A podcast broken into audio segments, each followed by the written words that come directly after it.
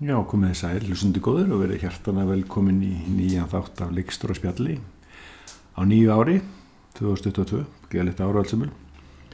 Uh, við ætlum í dag að spjalla við uh, Tinnu Hrapsdóttur sem að, uh, er að frum sína, sína fyrstu kvikmyndi fullir lengd á þessu ári, Skjálta, sem er byggð á skáldsögu Auðar Jónsdóttur, uh, Stóra Skjálta. Nú bakgrunnur tinnu er auðvitað og mentun er úr leiklistinni. Og mér finnst kannski svona mest spennandi að að tuga svona hvernig leið hennar lág yfir í leikstjórastólinn og, og svona hvernig það hefur mótað hana sem leikstjóra. Gjör svo vel. Herri, já, ertu velkomin hingað í leikstjóraspjall Takk fyrir, takk. Hérna, ég, ég byrja alltaf að, að spyrja bara svona, hvernig hérna, þú endar í þessu þessu, starfi sem varst í núna. Það er svo lung saga á ég að fara? Ég kannski líka fór ekki alveg hefðbundna að leiða þessu. Nei, einmitt. hérna, nei. Já, ég er hér stödd í dag nýbúin að klára mína fyrstu kveikmyndi í fullri lengd og þetta var kannski ekki alveg svona hinn hefðbundna braut sem að ég fór. En mikið óbúslega er ég þakklátt fyrir hana og, og hérna fannst ég einhvern veginn læra mikið á þessari leið sem ég valdi. Um, já, hvernig fór ég þingað? Ég sem sagt, uh, þegar ég kláraði mentaskóla þá var ég mjög svona áttavilt, vissi ekkert hvað ég vildi gera. Ég vissi bara að ég vildi halda fórum að menta mig. Þannig að ég eiginlega tók, hérna, Hvað, hvað mennskóla varst í? ég var í MH. Já, og hafður ekkert verið þar í leiklist? Nei, ekki Nei, neitt, ok. sko. Alveg bara, ekki neitt. Ég, ég, ég ætla aldrei að verða leikona eða neitt svo leiðist, þú veist, það var búið að hérna, spyrja mig svo oft Já, sem krakka ætla ekki að vera leikona eins og amma þinn. um Og hérna, þannig að ég var í mótróa skeiðinu, ég bara, nei, ég vil gera eitthvað allt annað, þannig að ég var eitthvað, mm þannig að svona, já, ég, var, ég vildi, sko, ég var rosalega, svona, ég var alltaf verið mjög sjálfstef og alltaf vilja bara fara mínar leiðir, aldrei að þóknast neinum eða gera eitthvað sem að fólk býst við af mér, þannig ég bara, nei, ég ætla ekki að gera það. Amma dásamleg og amma mikil og góð fyrirmynd en, en hérna, en ég stemdi ekki þangað, um, þannig að ég tók eiginlega bara kennsluskrá Háskóla Íslands og bara lokaði augunum og bara og hérna tók puttan og bara, hvert á ég að fara, hvað endar puttin? Á, nánast. Þannig að ég fór í lögfræði ok, af öllum fögum. Já, og hérna, og þar kynntist ég heimspeilum forspjálsvísundum, það var Mhm. rosalega skemmtilegu kurs og opnaði Mhm. sín mína og, og vitund um bara heimspeki, Mhm. það er þetta alveg magna. Þannig að mér fannst skemmtilega að segja þá tíma heldur en lögfræðina, þannig að ég endist þar nú einhverja tvo mánuði. Mm fór ekkert í prófin eða neitt. En vildi halda áfram í, háskólanum. Þannig að uh, næsta skref var að færa mig yfir í bókmyndafræði fór í almennu bókmyndafræði og það var að henda mér rosalega vel. Mér fannst alveg magnað að kynnast rjómanum af heims bókmyndunum -hmm. skrifa reitgerðir og greina og persónusköpun og uppbygging og, og þú veist, þetta er ekki bara ströym og stefnur, þetta er líka bara, þú veist, hvað er hann að segja með þessu? Og þannig að þar byrjar þetta svo kallega svona það sem ég er að nálgast bara verk, Mhm. bara, þú veist, bókmyndaverk Mm og sögur og fann mjög góða sterka tengingu þar, þannig að ég, Hvað, hvað árið ertu að byrja þar? hvað sér Hvað árið ertu að byrja þar? Bóður. Ég er að byrja þar 96, Já, Já. Ég, ég, ég var hérna þá, sko. var það? Já, bara ég, uh, uh, minna ég útskast 97. Ég sem sagt, ég útskrifast 95 úr MH, Mhm. fer um hausti, þannig að sko vorið, eða sagt janúar 96, Já. þá byrja ég. Mm Og já, varst þú þar? Já, ég er hendar í Erasmus, sko, þetta hennar sem Já. sagt. Ég er Breitlandi, svo er ég, ég bara kem ég heim á eða bara eftir, ég man ekki hvað tók einhverja kursa, jú, ég átti átti einhverja kursa eftir og svo er ég rítgerina, sko. Já. Já, Ég nefnilega, kláraði rauðgerðina. Já, já. Já. Já, guðina. Ég hérna, sérst, já, þannig að ég var þar í bókmyndfræðinni og fannst á, á hvað að taka íslensku til 30 eininga Mm og fannst það mjög gaman, en jú, þar kynntist ég stúdentaleikursinu Já. og hérna, Mm vinur minn uh, plataði mig, gerði samning við mig um að ég ætti að mæta allavega í eitt skipti Ok. og já, já, ok, ég fyrir þá, mæti og svo er þetta svo oft þannig í lífinu að þú veist, þú heldur eitthvað en svo reynist það ekki rétt. Mhm. og um leið og ég svona ákvæði stiga þetta skref þá fann ég það bara, ok, hér er ég að finna mig, ok, allt í lagi. Og þú hafðir ekkert verið að leika neitt, Nei, ekki neitt. Ekki heldur sem ekki í barna- MH leikfélaginu, ekki neitt. Að þetta var mótróð, þetta var bara ég ætla að fara mína leiðir. Þetta veist ég ekki. og hérna já, þannig að þú veist já, byrjaði að fór í ykkur kursarna í, í, í hérna, eða námskeið á, í stundileikusinu og það var hérna Jakob Þór Einarsson að kenna. Já. og við áttum að fara um einhverju mónologa og hann sagði við mig eftir að ég var búin að flytja minn bara til að prófa að fara í indökbrón ég ætla, að kviti það að fara. Ha, ég? Nei. Ég ætla ekki að vera leikona. Nei, meina þú sagir ekki prófa. Ég, þú, þú hefur eitthvað. Þannig að ég er svona það var svolítið fyndið sko. Það er eins og lífið hafi svolítið svona verið að reyna að leiða mig áfram á þá braut eða kannski Já, að svona hjálpa mér að finna réttu brautina vegna þess að þráttur um útróðan. þráttur mótróðan og maður er alltaf að læra sko. Sem ég elskaði lífið, það sem ég elskaði lífið það er að læra og kunna og geta viðkjönd, ok, ég hafði ekki rétt fyrir mér. Já. en ég læra þessu. Og já, þannig að ég fyrir í er sérst búin að vera þá tvö og hálft ár í HÍ Mm. bókmyndfræðinni og þarna voru 98 það á ég raun og voru eina önn eftir að ég byrja í janúar og rítgerðina Mm. og kemst ég strax inn fyrir sérst í indökuprófin leiktilskólanum og það var svo magnað, ég held ég hafi aldrei verið að veist, bara ákveðin þegar ég fer þarna í fyrsta uh, fyrsta hollið þá mm Mhm. sérst, uh, velum maður sjálfur einhvern monolog og kemur og flyttur hann fyrir hérna indökunemdina Mhm. og það er svo skrítið af því að þú veist mm, minna eðlilegt er að vera bara rosalega stressaður og veit ekkert hvað þú ert að gera og bara hrættur um að komast ekki áfram og eitthvað Mhm. ég bara hann inn og ég bara horfaði þetta fólk og ég bara ég vissi að ég ætti erindinga Mhm. þetta er rosalega skrítið Mm. og ég var alls ekki sjálfsörug á þessum tíma Mhm. þvert á móti, ég var ekkert gagstæða sko, Mhm. rosa lítil í mér og svona leitandi og svona en svo bara gerist eitthvað og þetta var rosalega skrýðin tilfinning og ég finna bara og ég fer með mónlógin og ég bara finna þetta er eitthvað fyrir mig Mm. og svo kemst ég strax inn og bara frábært og, og, og hérna og bara já, er í leikskólanum í fjögur ár og, og, og, og hérna og ætla mér að sjálfsögja að verða óbúslega hérna eh, hvað sem var hérna eh, hérna vinsæl leikona á stóra segð þjóðlíkusins eins og allir ætla að verða sem í leikskóla. Bara, ég ætla bara, jú, jú, ég viðkynna það alveg. Ég ætla bara að verða eins og amma mín eða þú veist ekki eins og hún en svona Já, já, bara feta hennar, hennar, hennar leið. Það er fyrirmyndir. já, já, og hérna en ég var alveg þannig því ég fór í endurkuprófin sko, Mm. þá sagði ég einhver frá því. Ég sagði mömmu það, Ok. bróðu mínum sem er rosalega góðu vinnu minn og bestu vinkonu þú eru þrýr einstaklingar. Ok. sem ég Aðri vissi ekki að því. nei, aðri vissi ekki að því sko. Af því ég vildi ekki heyra sko, ég sagði þér þetta ég og svo hefði ég ekki komist inn og eitthvað svona Já. þá, þú veist, vildi ég bara gleyma þessu bara, nei, þú veist, Já. ok, allt í lagi, ég fór að prófa það en þú veist, ég ætla bara að halda áfram minn, minni bókmyndafræði og eitthvað Það er eitthvað gott sko að auðvitað marga kannski með minni pressa á þig þú ert í raun svona hálfpartin bara að prófa þetta einhvern veginn og ert ekkert búin að ganga með því maður um mörg ár og neitt nei, svoleiðis. Já, já. alls ekki Mhm. var alls ekkert að stefna þangað, ekkert frekar heldur en hérna leikstjórnina þannig að þú veist, Mm. þetta er ég er svona, já, ég er svona búin að vera svolítið leitandi og mér finnst það svakalega gott ég er rosalega þakklátt fyrir að hafa einmitt ekki verið búin að ákveða þetta alveg fyrirfram heldur svona leift mér að leita og, Mhm. og svona máta sjálfa mig við alls konar aðstæður en svo kem ég út úr leikliðskólanum og það er bara eins og það er, ég minna að sumir fá strax samning og Mhm. fullt af hlutverkum og aðrir ekki og, og þetta gekk pínu brösulega hjá mér ég svona þú veist, bara uh, náði ekki að komast inn í leikúsin en kvikmyndaheimurinn stóð mér opinn Mm. það var bara, þú veist, og ég veit ekkert hvað ræði því, það var bara tilvílun eða hvað Mhm.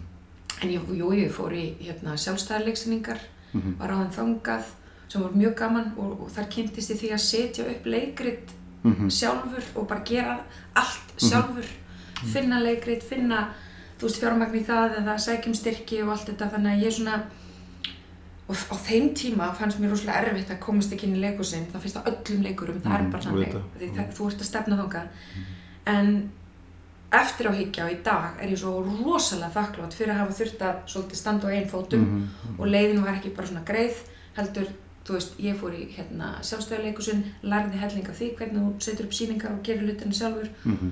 þannig að það enda á því ég fór að gera það bara, Mhm. þú veist, Mhm. lærði af öðrum stofnaði mitt eigi leik, minn eigin leikhóp eða leikfélag sem heitir Háaloftið Mm. sett upp síningar uh, lék í þeim sjálf uh, var í samstarfi við borgarleikusið einu sinni sett upp, síning, sett upp síningu eftir auðu öfu Mm. leikrit eftir auðu öfu leikstjórn Stefán Sjónssonar þannig ég svona var þú veist, var í barnaleikritum þannig að ég var alveg í leikusinu en ég fór ekki eins og ég segi þessa, þessa hefðbundnu Mhm. mm leik Samning. hérna. já, samning og svo er verið að berjast um þig þú veist, borgarleikusi villi eða þjóðleikusi eða eitthvað Já. en, hérna, en þetta kendi mér svakalega mikið Mhm. og, og hérna og ég er svolítið þannig, ég hef alltaf þurft að, að og viljað svona svolítið svona standa á eigin fótum, þú veist, ég er svona ég, ég, ég meia sko ég er svona rosalega svona mér finnst gott að, að þú veist geta treyst á sjálfa mig og, og einhvern veginn bara eh, já,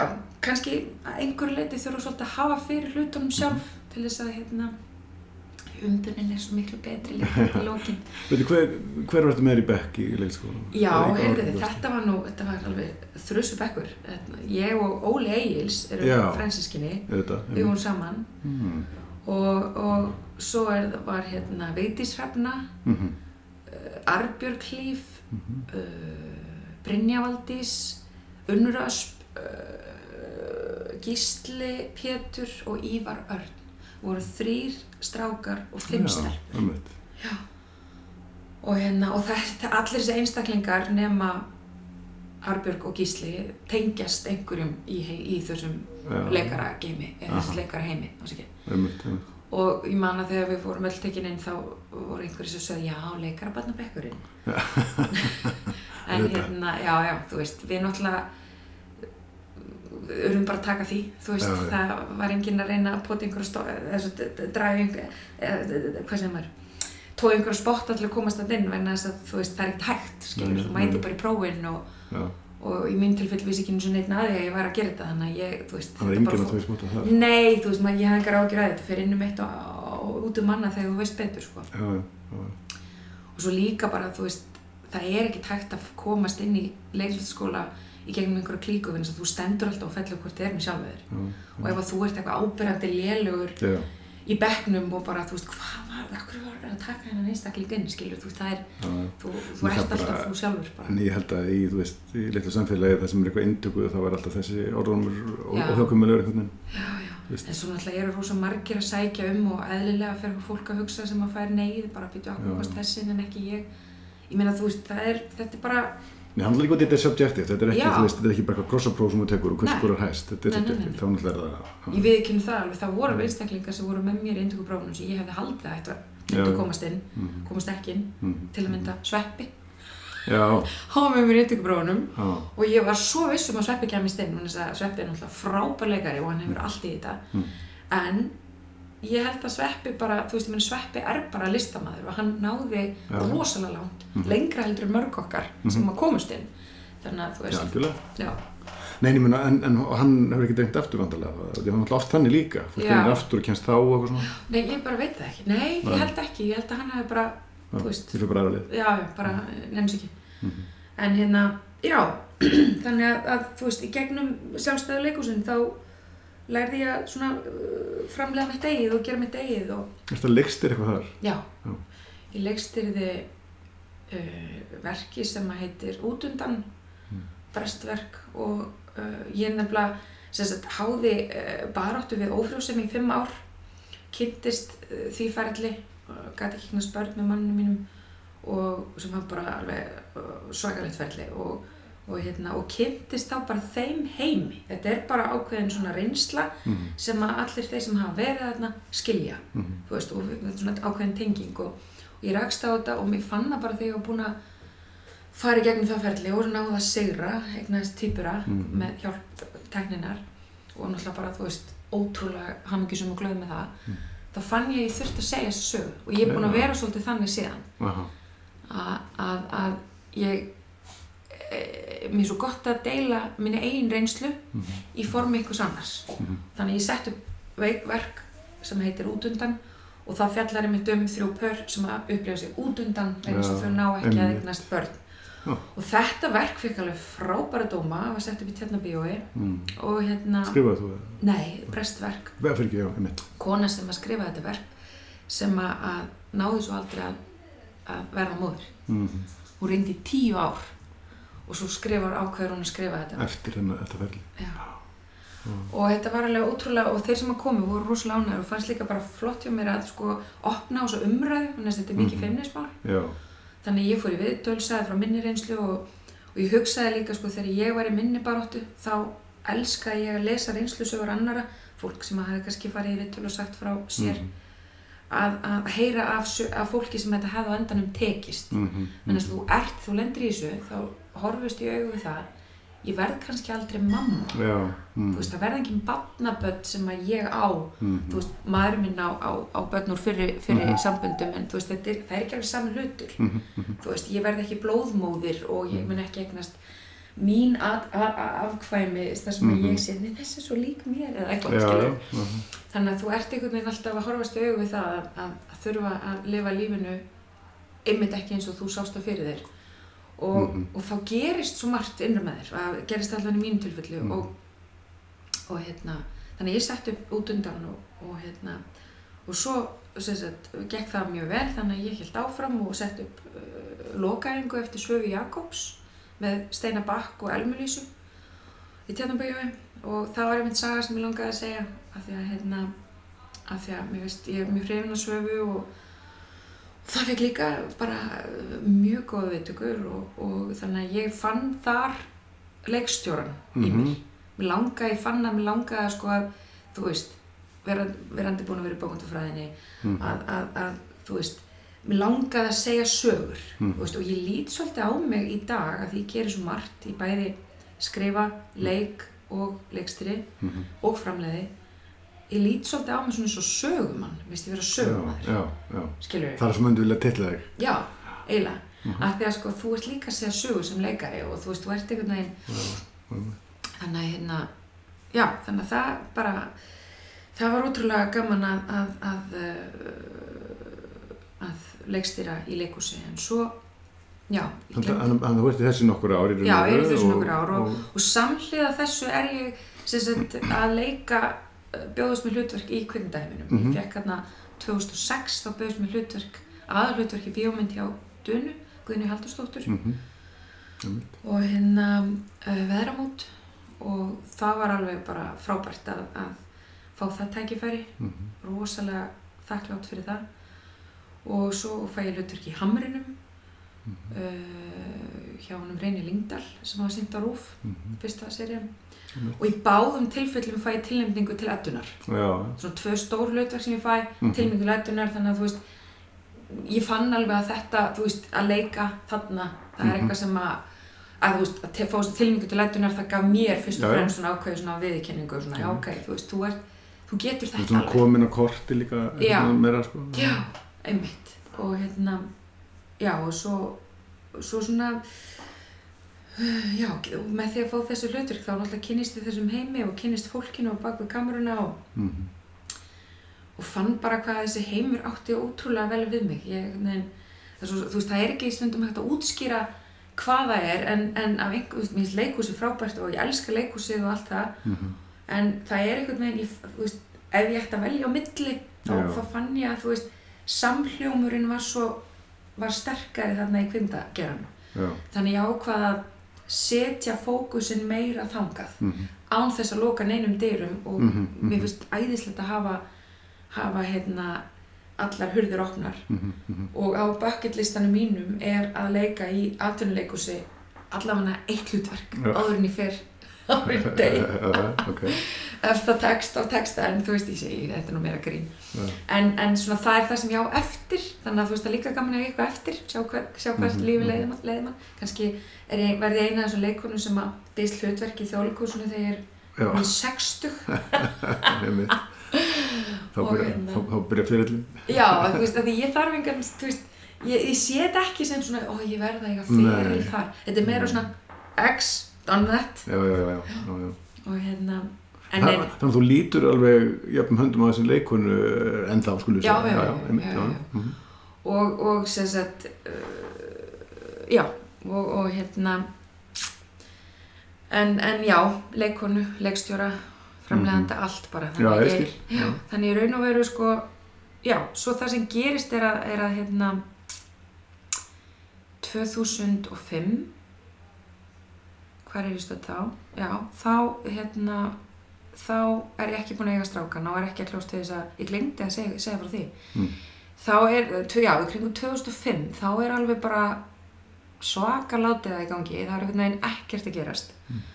Og þá er mér bent á að fara í nám sem heitir MBA já, ok, ég glemdi að segja frá þessu. Þetta er og veru áður en ég fer í að leikstýra þarna í, í, í tjarnabíóið þar MBA 2005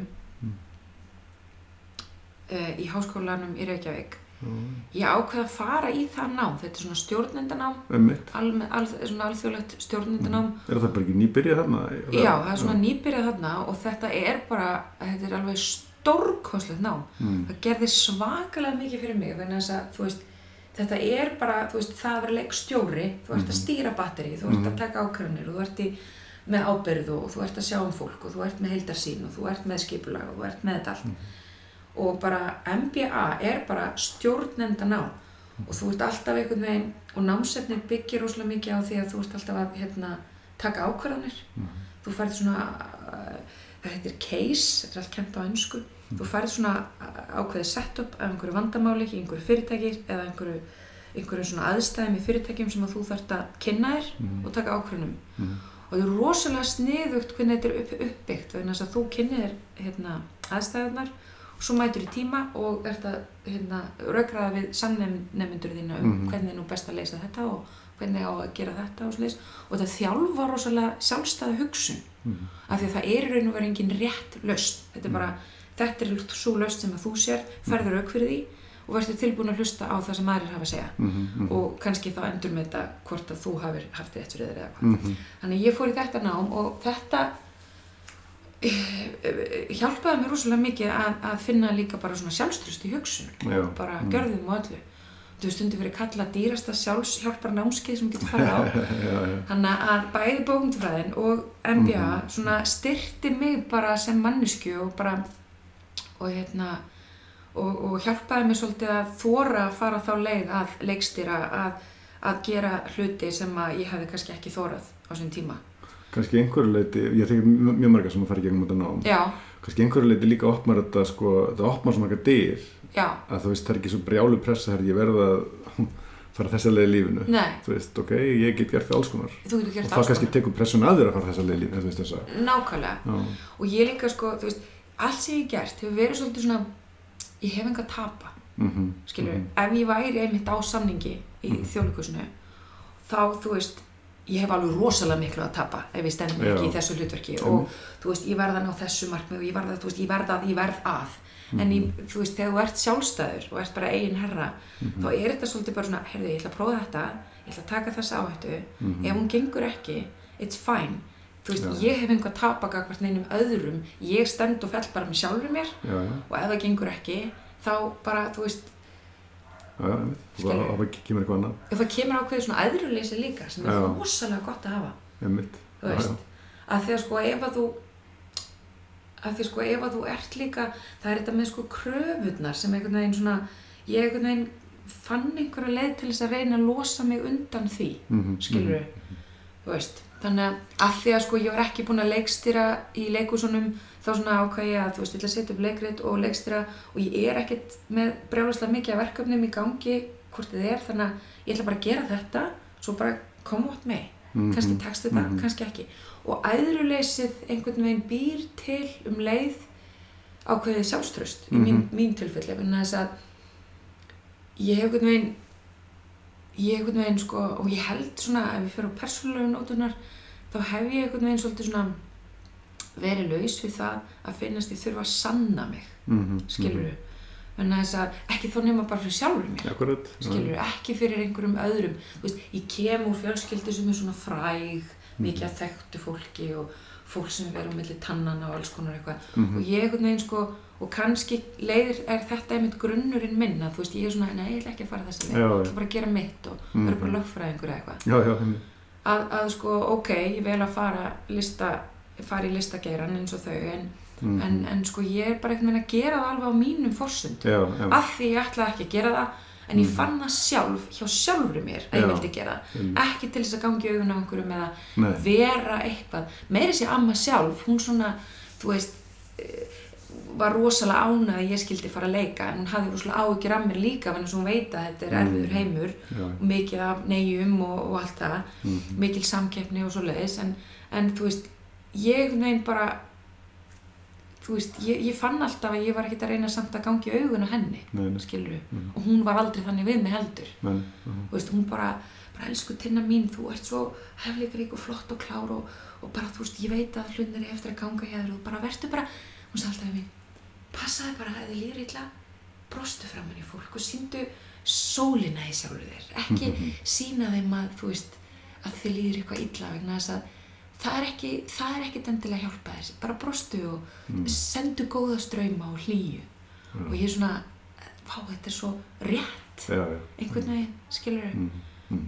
að því að, nema, fólk sé bara sérstaklega að spyrja það, já, hvernig hefur það, já, en, veist, en að vera eitthvað svona bitur og eitthvað, það er ekkit að hjálpa nei, já, hún var náttúrulega einstök. Hún var alveg einstök, sko, já, já, mikil og, og, og bara stórkustleg, stórkustleg kona, en, en hérna, en, ég, ég fekk að, ég fekk að þess að kynast henni leikstilinni já, í, byrju, hvað í, er í, þetta? í útskiptamyndinu minni. Það var sem að hérna, Já, og ok. það var sko sem að tekinn upp á Langanesi.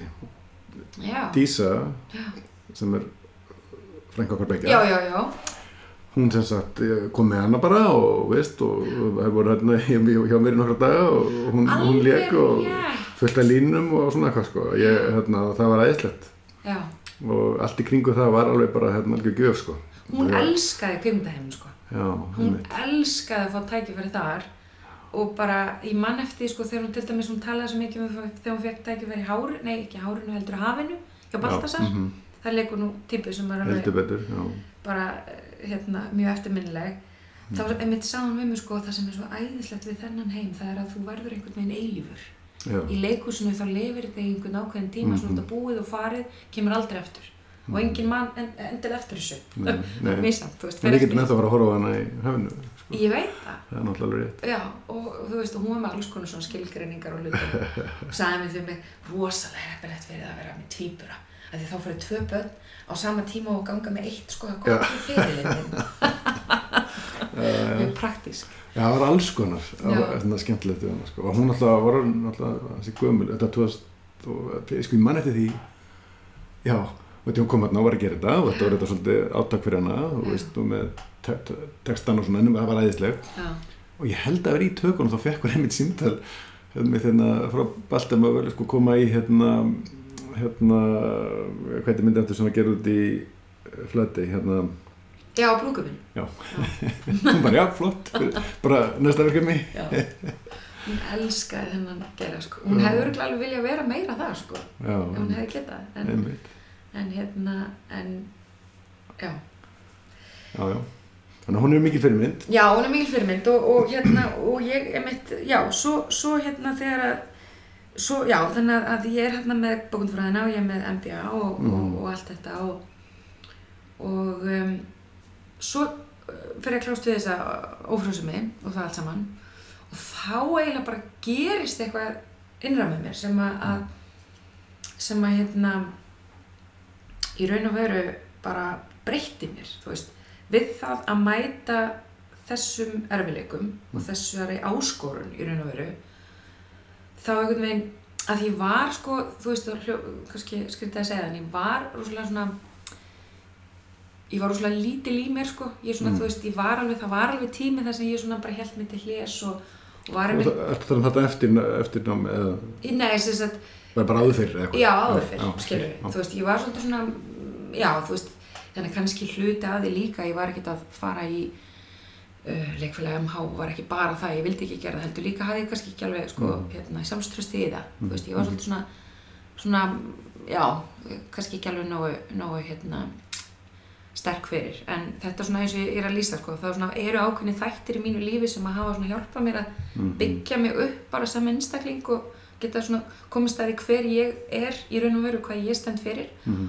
Og það gerist þarna kannski svolítið eiginlega vendipunkturinn þar sem ég algjörlega kemst að því hver ég er Mhm. og hvers ég er megnu það er þegar ég næ að sigra þessa baráttu sko, að vera mamma já, en þess að fara í gegnum svona ferli svona ófrjóðsefnisferli og allar þessar meðferðir og allt þetta þetta er bara, þetta er rosalegt sko. Mm. það er svo mikið hormónum og bara, þetta er svo, þetta er svo og þú ætt, þú veist, og ég ætlaði mér að ná þangað sko, Mhm. ég er svona, konur er misjafnar, Mhm. þú veist, sumar bara mér sé ákveða eignast aldrei börn ég ætlaði að verða mamma, Mhm, mhm. ég ætlaði bara að gera það og, og þegar að mér svo loksins tókst það án Mhm. þess að gefast upp Mhm.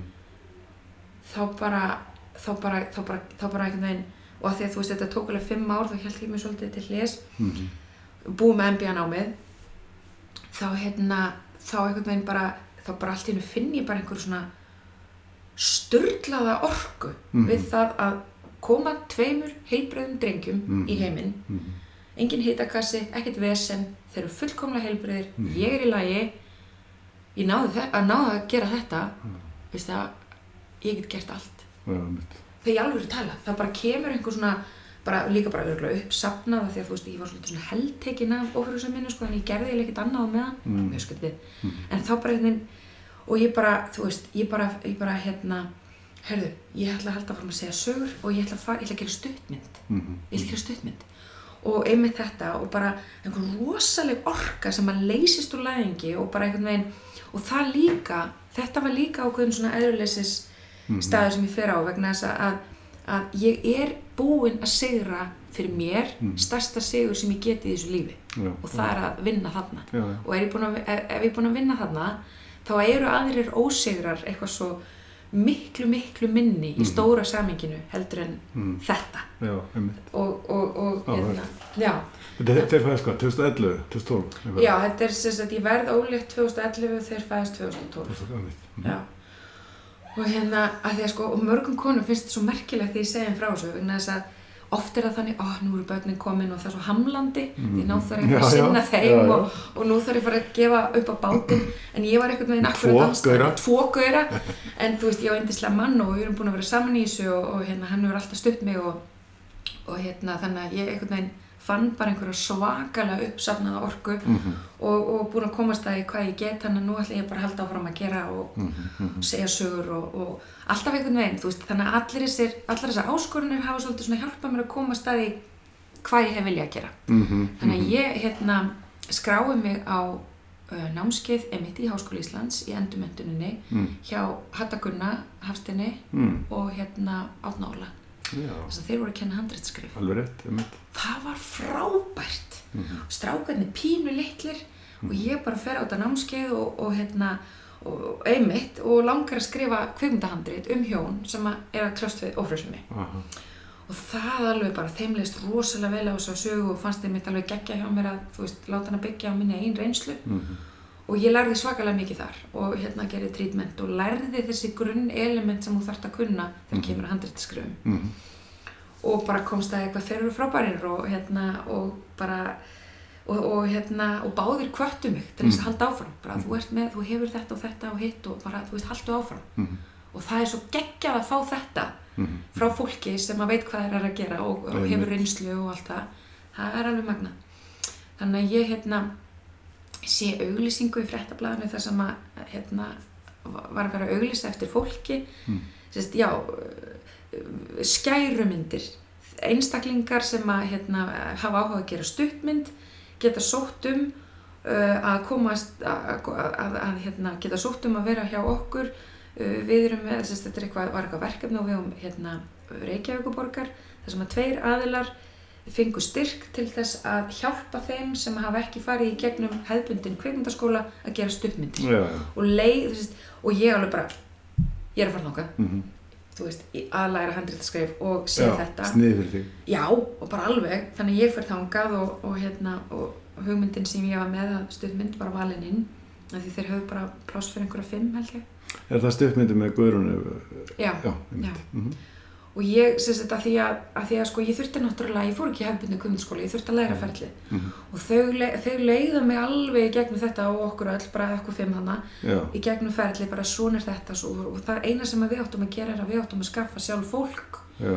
það er einhver peningar í þessu þú veist, það bara hjálpa okkur. Það eru fimm verkefni. Já, og svo bara svona er Já. uh, en minna tæki og tól og þannig að það Nei, er, nei, nei. er, er, þannig utan, þetta er bara utanumhaldinu Já, bara utanum haldi, nú þarf þú að þér kameru. Já, aha, og þessu stíði þarf að gera þetta.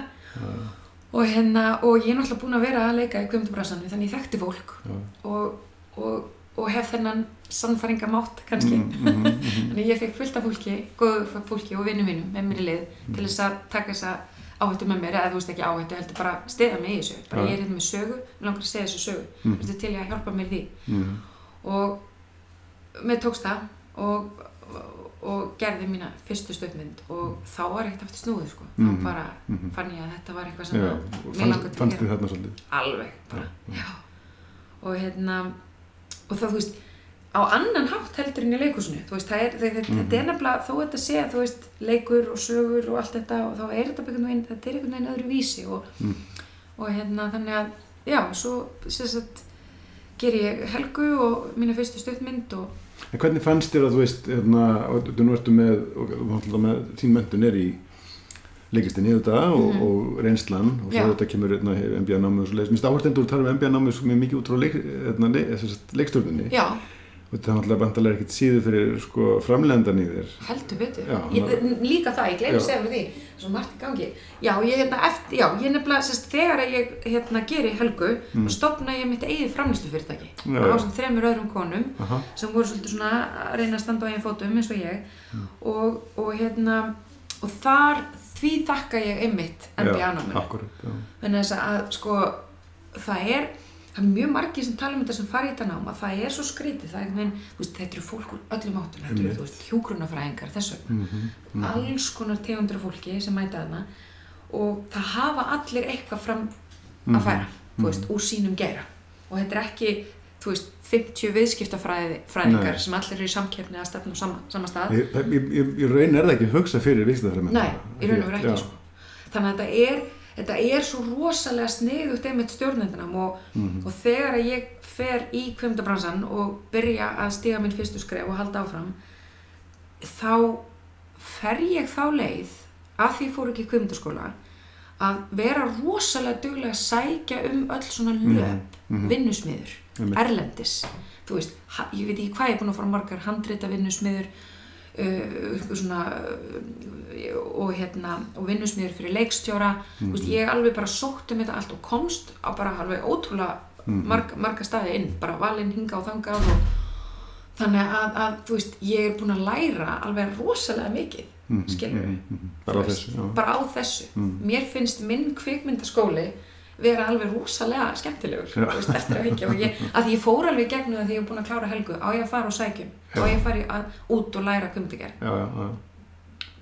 og hérna, það alltaf engin regla með það þetta er sko, engin regla. já, já. nei, ég, þú veist ég meina ég sá alveg hvað Balti var að gera. Mhm, þú veist, Ben Ellings. Já, bara leikstum hellingur en, en er hérna um, sest, þau vart að leikstýra þetta í stöðmyndinni Mhm. uh, og auðvitað hafði það náttúrulega verið að leikstýra hérna, í leikúsinu en, en sko bara, ég er bara mest áhugavert sko, þannig að það er svo svo allir leikstjórnir, all, allir sem leikstjóra koma veist, með, koma með einhvern styrkleika inn eða eitthvað augljóslega þetta þinn, þinn sko Já. þú veist, var það þó einhvern veginn eitthvað sem að ég veit ekki, þú gætt svona einhvern veginn reytið á og varst svo að þurftur að vanda allir hinn eða hvernig upplýður það að leikstýra já, með, með þennan bakgrunn ég er með þennan bakgrunn þar sem að mér fannst einmitt sko uh, ég er náttúrulega líka með bakgrunn í hérna bókmyndafræði sem ég varst líka að hjálpa mér í handreita skrifunum sko. Mhm. þannig að, að en, en sko leikara bakgrunnin bakgrunnurinn er alveg gríðarlega uh, þakklátur í mínu uh, í minni stöðu vegna þess að það að vita hvað leikar eru að gangi í gegnum þekkja tungumálið uh, vita hversi hægt að ætla að stila þeim Mhm. og hvernig ég nálgast á Mhm. er bara náttúrulega eins og ég vil að ég sé nálguð, nálgust en eitthvað sem er að, það, ég, að fólk nálgast mig, nálgist mig þegar ég er sjálf að leika Akkurat, já. og það var líka þannig í leikúsinu þegar ég að leikstýra hérna, uh, leikurum í leikúsi að, að, Mhm. að, að hérna að, að og ég er líka þannig að ég er rosa fljót að kasta, ég er rosa fljót að sjá og það líka hjálpa mér þú veist, ég hef oft verið fengið líka til þess að hjálpa öðrum leikstjórum að kasta í sínar myndir eins eða, og Ísvaldi og, já, algjörlega Mhm. að, að sko ég er rosa fljót að sjá e, já það er þetta element sem að þig vantar fyrir þetta hlutverk og þessi leikari hefur það og Mm. þú getur og ég er fljót að sjá sko það er hægt að nota þetta element og stækka það og leifa því að blómstra Mhm. hjá þessum leikara fyrir þetta hlutverk Já. skilur Aha. en þess að þetta er ekki alltaf bara hver er góður og hver er ekki góður Nei, nei, nei. þú veist, góður leikari bara passar engan veginn í þessa rullu Já. út af þessu og þessu og hinnu Einmitt. þannig að að vera svona casting director er eitthvað sem að, að hérna, mér finnst rosalega gaman að gera líka og, og, og hérna og ég, þú veist, þó ég segi sjálf frá þá hef ég alltaf fengið mikið svona ég fengi svona þakklæti frá mínum leikurum að svona takk fyrir að hérna, Mhm. þú veist, veita mér svona mikla leikstjórn og vegna þess að staðrindin er svo leikarar vilja leikstjórn Mhm. það er þannig og og mjög margi leikstjórar eru rægir við það Mhm. en þess að þeir halda að, að þú veist, þeir séu þá einhvern veginn stíga inn eitthvað svið sem að kannski þeir leikarinn á að vita betur en það er ekki þannig Mhm. þú ertir, leikarinn er bara tæki og tól í höndum Mhm. og hann verður að vita hvað þú vilt Mhm. Mhm. vegna þess að það er hægt að fara svo margar leiðir að því hvernig þú gerir þessa senu Mhm. hvaða áherslu þú vilt leggja á og Mhm. allt þetta Mhm. og það er leikarinn hefur sína forvinnu og sinn reynsluheim og sínar hugmyndir en hann verður að geta treysta á að leikstjórnum viti hvað hann vill Já. ef, hann veit, ef þú finnur að leikstjórnum veit ekki hvað hann Mhm. það er svo vond sem leikari en þess að þú verður svo órugur Þess að þú getur ekki það er mjög sjálfgeft sem að leikarin getur vitað betur heldur en leikstjórin það gerist Mhm. og þá er þetta náttúrulega bara dialógur og samvinna og hann kemur tilbóð Já. og leikstjórin kannski bara, heyrðu þetta er brilja höldum þessu svona, að sjálfsögur það er frábært og það gerist Já, oft það er bara, já, já. það er mjög nýti allt ef þetta er svona já, en það þarf að vera samt rétt Það leið. sín sko, það þarf að vera samkvæmt síninu og samkvæmt heildar Mhm, mhm. skilur það þarf að vera eitthvað svona heildar konsept sem að þú fattar að smellur inn í þetta Mhm, skilur mhm. og hérna og ég þegar ég hef verið að vinna þá hef ég alltaf og ég þakka Guð fyrir það eða einhverjum og ég vona að það haldist áfram. Mhm, ég veit alltaf hvað ég vil. Það hefur líka hjálpað mér að vera dugleg að halda áfram skilur við En með hvena veistu hvað þú vilt? Þetta er náttúrulega ekki það sem þú kannski veist ekki upphafi. Þú veist meina í tökum. eða? ég, jú, ég veit að yfirleitt bara sko, það er nefnilega, það svo skrítið Mm. nú hef ég gert tvær stuðmyndir og eina kvikmynd Mhm. þær voru tilbúnar í haustum á mér áður en ég byrjaði að gera þær Ánum byrja að skrifa. Já, það er rosa skrítið. Það bara, það bara einhvern veginn, það er svona, það er rosa skrítið, þetta er örglega svona, ég veit ekki hvort að kannski, kannski eru sumir myndlistamenn þannig að þeir sjá fyrir sér málverki og svo bara byrja að, Aha. eða eitthvað, ég veit það ekki, þú veist, það er bara einhvern veginn, þegar ég leikstýri og gerir kvikmyndir, þá er ég að framkalla eitthvað sem er til nú þegar. Mhm. Þetta, ég, er, ég er eins og Mhm. framköllunar tæki, ég er ekki að grínast, sko Ok. auðvitað er ég ekki að tala um í dítelum skilur nei. en ég veit kjarnan Mhm. ég veit, þú veist, þetta verður svona mynd En ef þú fær svo tilbúð frá leikara sem er, já, sem er kannski ekki alveg inn í þessu, já, kannski samt gott tilbúð, já er það bara að þú ert bara mjög snögg að þetta er ekki málið? nei, ég, það, það, það getur, það, það getur annarkvort farið þá átt að, þú veist, frábært gerum þetta svona, Já, að því nú er ég meira að tala um sko heldar, ég er ekki að tala um að leika nákvæmlega svona, einmitt. heldur bara heldar heldar sínin er svo skýr Mhm. frá byrjun og það að hafa þetta hefur einmitt líka verið hluta því að veita mér sjálfstörst í að fara þessa óhauðbundnu leið Mhm. að geta sagt við fólk, já ég er leikstjóri þó að ég hafi ekki farið í kvimtaskóla eða eitthvað. Mhm. en þess að ég finna að ég hef sínina Já, þú veist, ég finna að ég hef tilfinning tilfinning og bara þú veist, þú veist, þetta er eins og þegar ég bara, þú veist, eins og skjálti bara ég bara eitthvað neginn ég vissi nákvæmlega hvernig myndi ég vildi gera. Mhm, mhm. bara alveg nákvæmlega. Já. og hérna og það er svo gott og það er svo gott og ég finna líka bara hvað allir í krúinu eru svo gladir að finna Mhm. það Mhm. að maður sé einhvern veginn ekki Ég er í raun og verið aðal, aðal trikki þá bara er að miðla því. Sko. Já, þú veist- það er nefnilega já. aðaltrykkið er að kunna miðlæði Mhm, og það er, þú veist, það er eitthvað sem að ég þakka líka leik, leiklistinni fyrir Mhm, að kunna miðlæði, ég finna þess að þú veist, þú ert náttúrulega stanslust að miðla sem leikari og líka, þú veist, ég fari líka í gegnum alls konar þerapíur, þú veist, ég fór ég fór í sálgreiningu, ég fór í, þú veist, ég gætti sálfræðings og tempili sem að reyndar bara ekki alveg að hjálpa mér, þannig að ég náði ekki alveg að bonda við hann, Mm. að ég ákvað að fara frekar í sálgreiningu og sálgreining er eitthvað sem hjálpaði mér rosalega mikið og svona tók ég sjálfa mig í gegn Mhm. þú veist, og, og hérna og þurfti að taka til í ákveðnum hlutum bara í mínu, mínu, mínu uppeldi og bara, þú veist, mínu lífi sem að hefði hérna hafði svona mótað mig og, og gert mig einhvern veginn þannig að þú veist uh, ég kunni ekki alveg að díla af ákveðna hluti Mhm. og þú veist, það er til dæmis ástæðan fyrir því að hverju ég segja skjálta Mhm. Mhm. þú veist, ég og, auð, ég og auður komum báðar frá svona fjölskyldu aðstæðum sem að Mhm. voru kannski ekki einfaldar Mhm. Mhm. og mm, ég held að það hef líka verið ástæðan fyrir því að auður vildi að ég segði þessa sögu Já. eins og þannig við að tala um fjölskyldu aðstæðar sem eru erfiðar Mhm. og ég, það er svo mikið af mér í skjálta Mhm. Mhm. þú veist, að því að ég þekki svona heim, ég þekki þöggun, ég þekki, þú veist, þætti sem að er ekkert verið að tala um eða díla Mhm. við og, og ég þekki afleðingarnar. Mhm. Og ég sjálf fór í gegnum, því fór í sálgreiningu, þá fór ég í gegnum svona ákveði ferli sem að hjálpaði mér að komast að ákveðinu hlutum um sjálfa mig sem að Mhm. ég var í amneitun með Mhm. Mhm.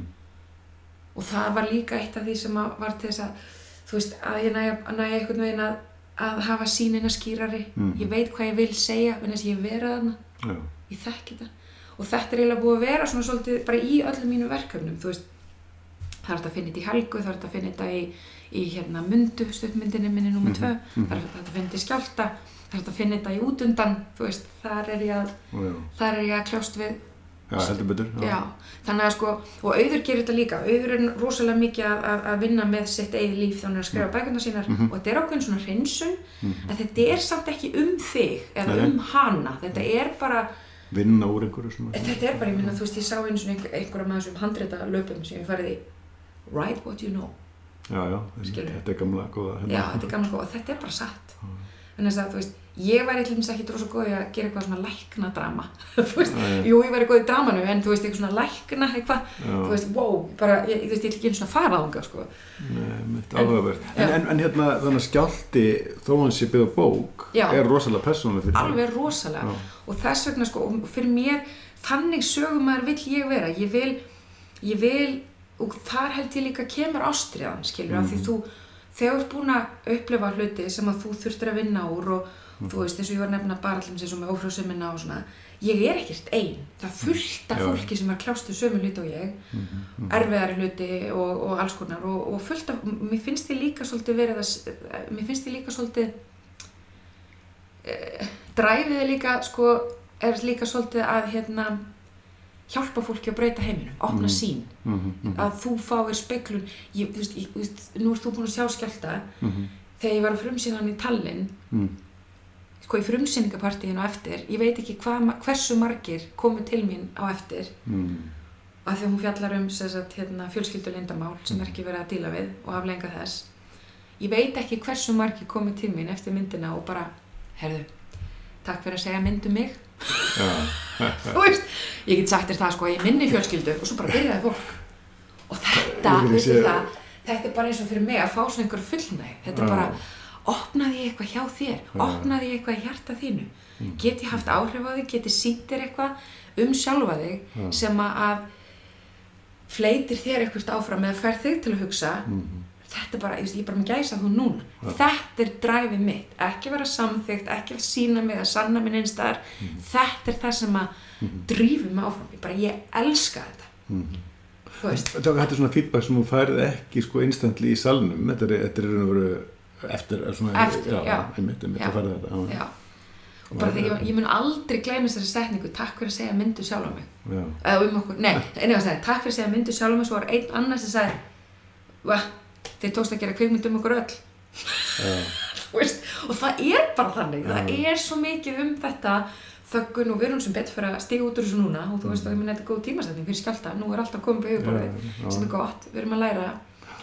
En hérna, en já, þannig að þú veist það er svo ros, rosalega stór og, og flókin heimur að baki mér sem að einhvern veginn var til þess að ég endaði þar sem ég er í dag. Mhm, mhm.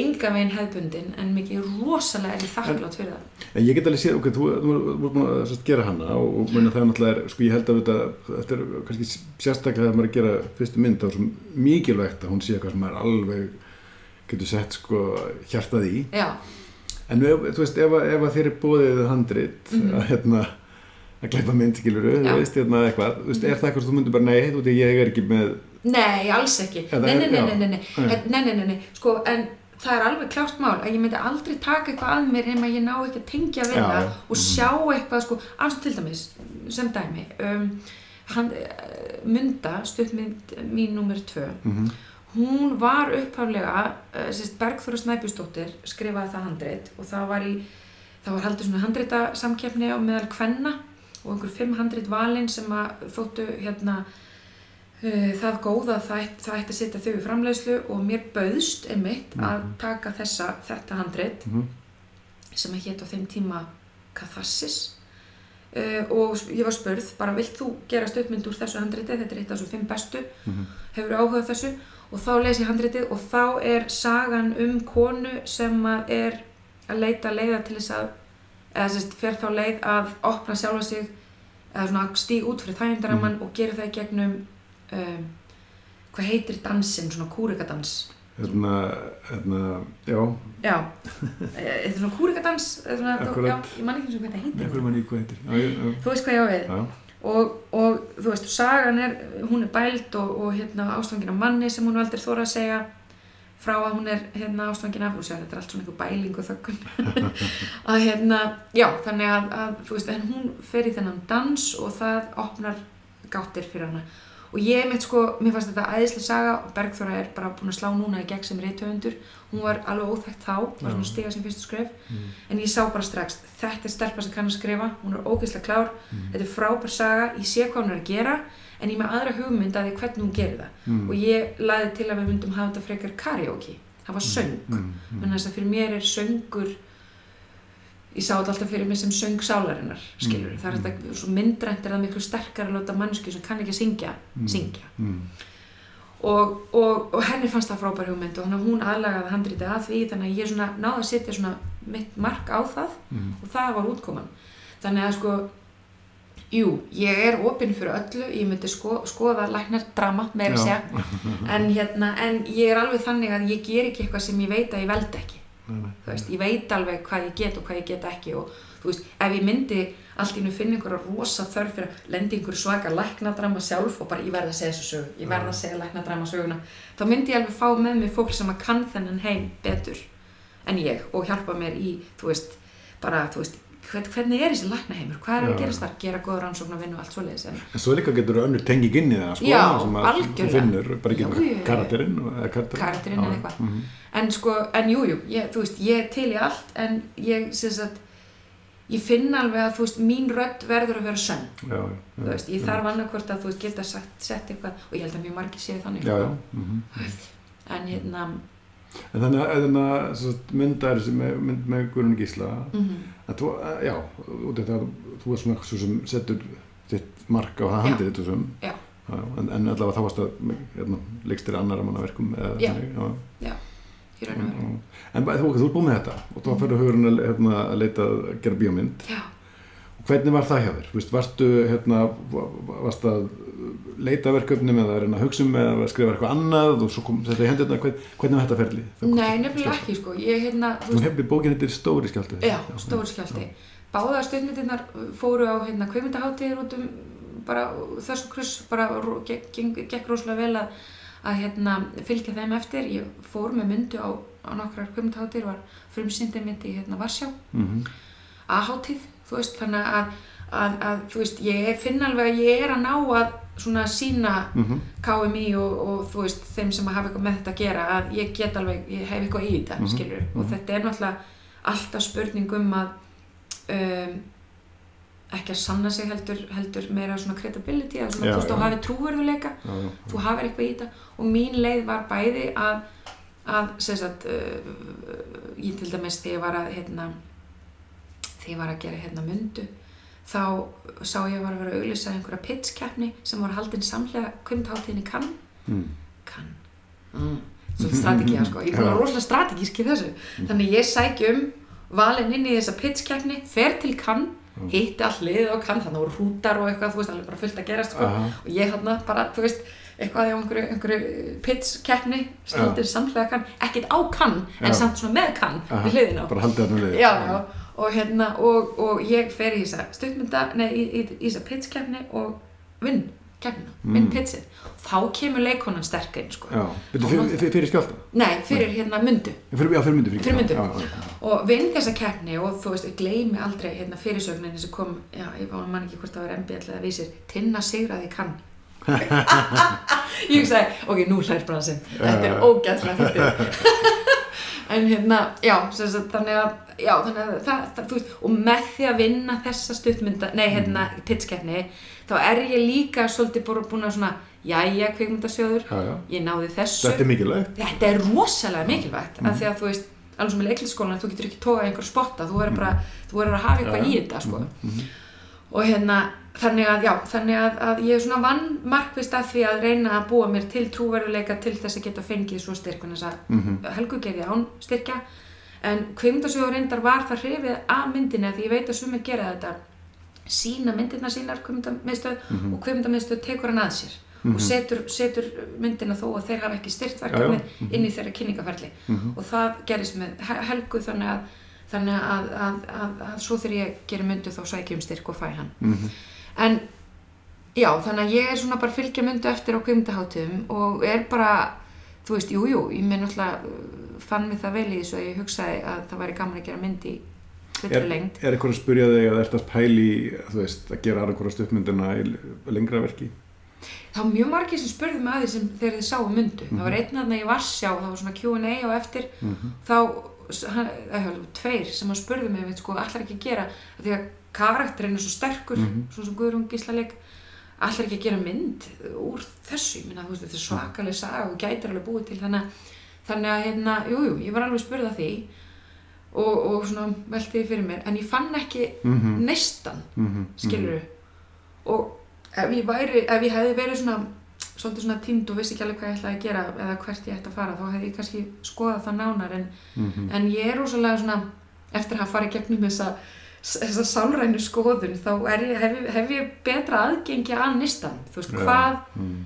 hvað færi mig til að what makes you tick, sagt, þú veist, já. hvað fæði til að kveikja á, þú, þú veist, þetta er svo þekkir, þetta er svo erfitt, þetta er svo, þetta er svo Mm. mikil þólenmæði og þetta er svo mikil svona, reynir svo á þig að Mhm. koma verkefnunum í gegnum allt og þú veist, og klára hlutina já. og láta það verða veruleika að bara ég verð að hafa neistan, sko, Mhm. annars bara. Mhm.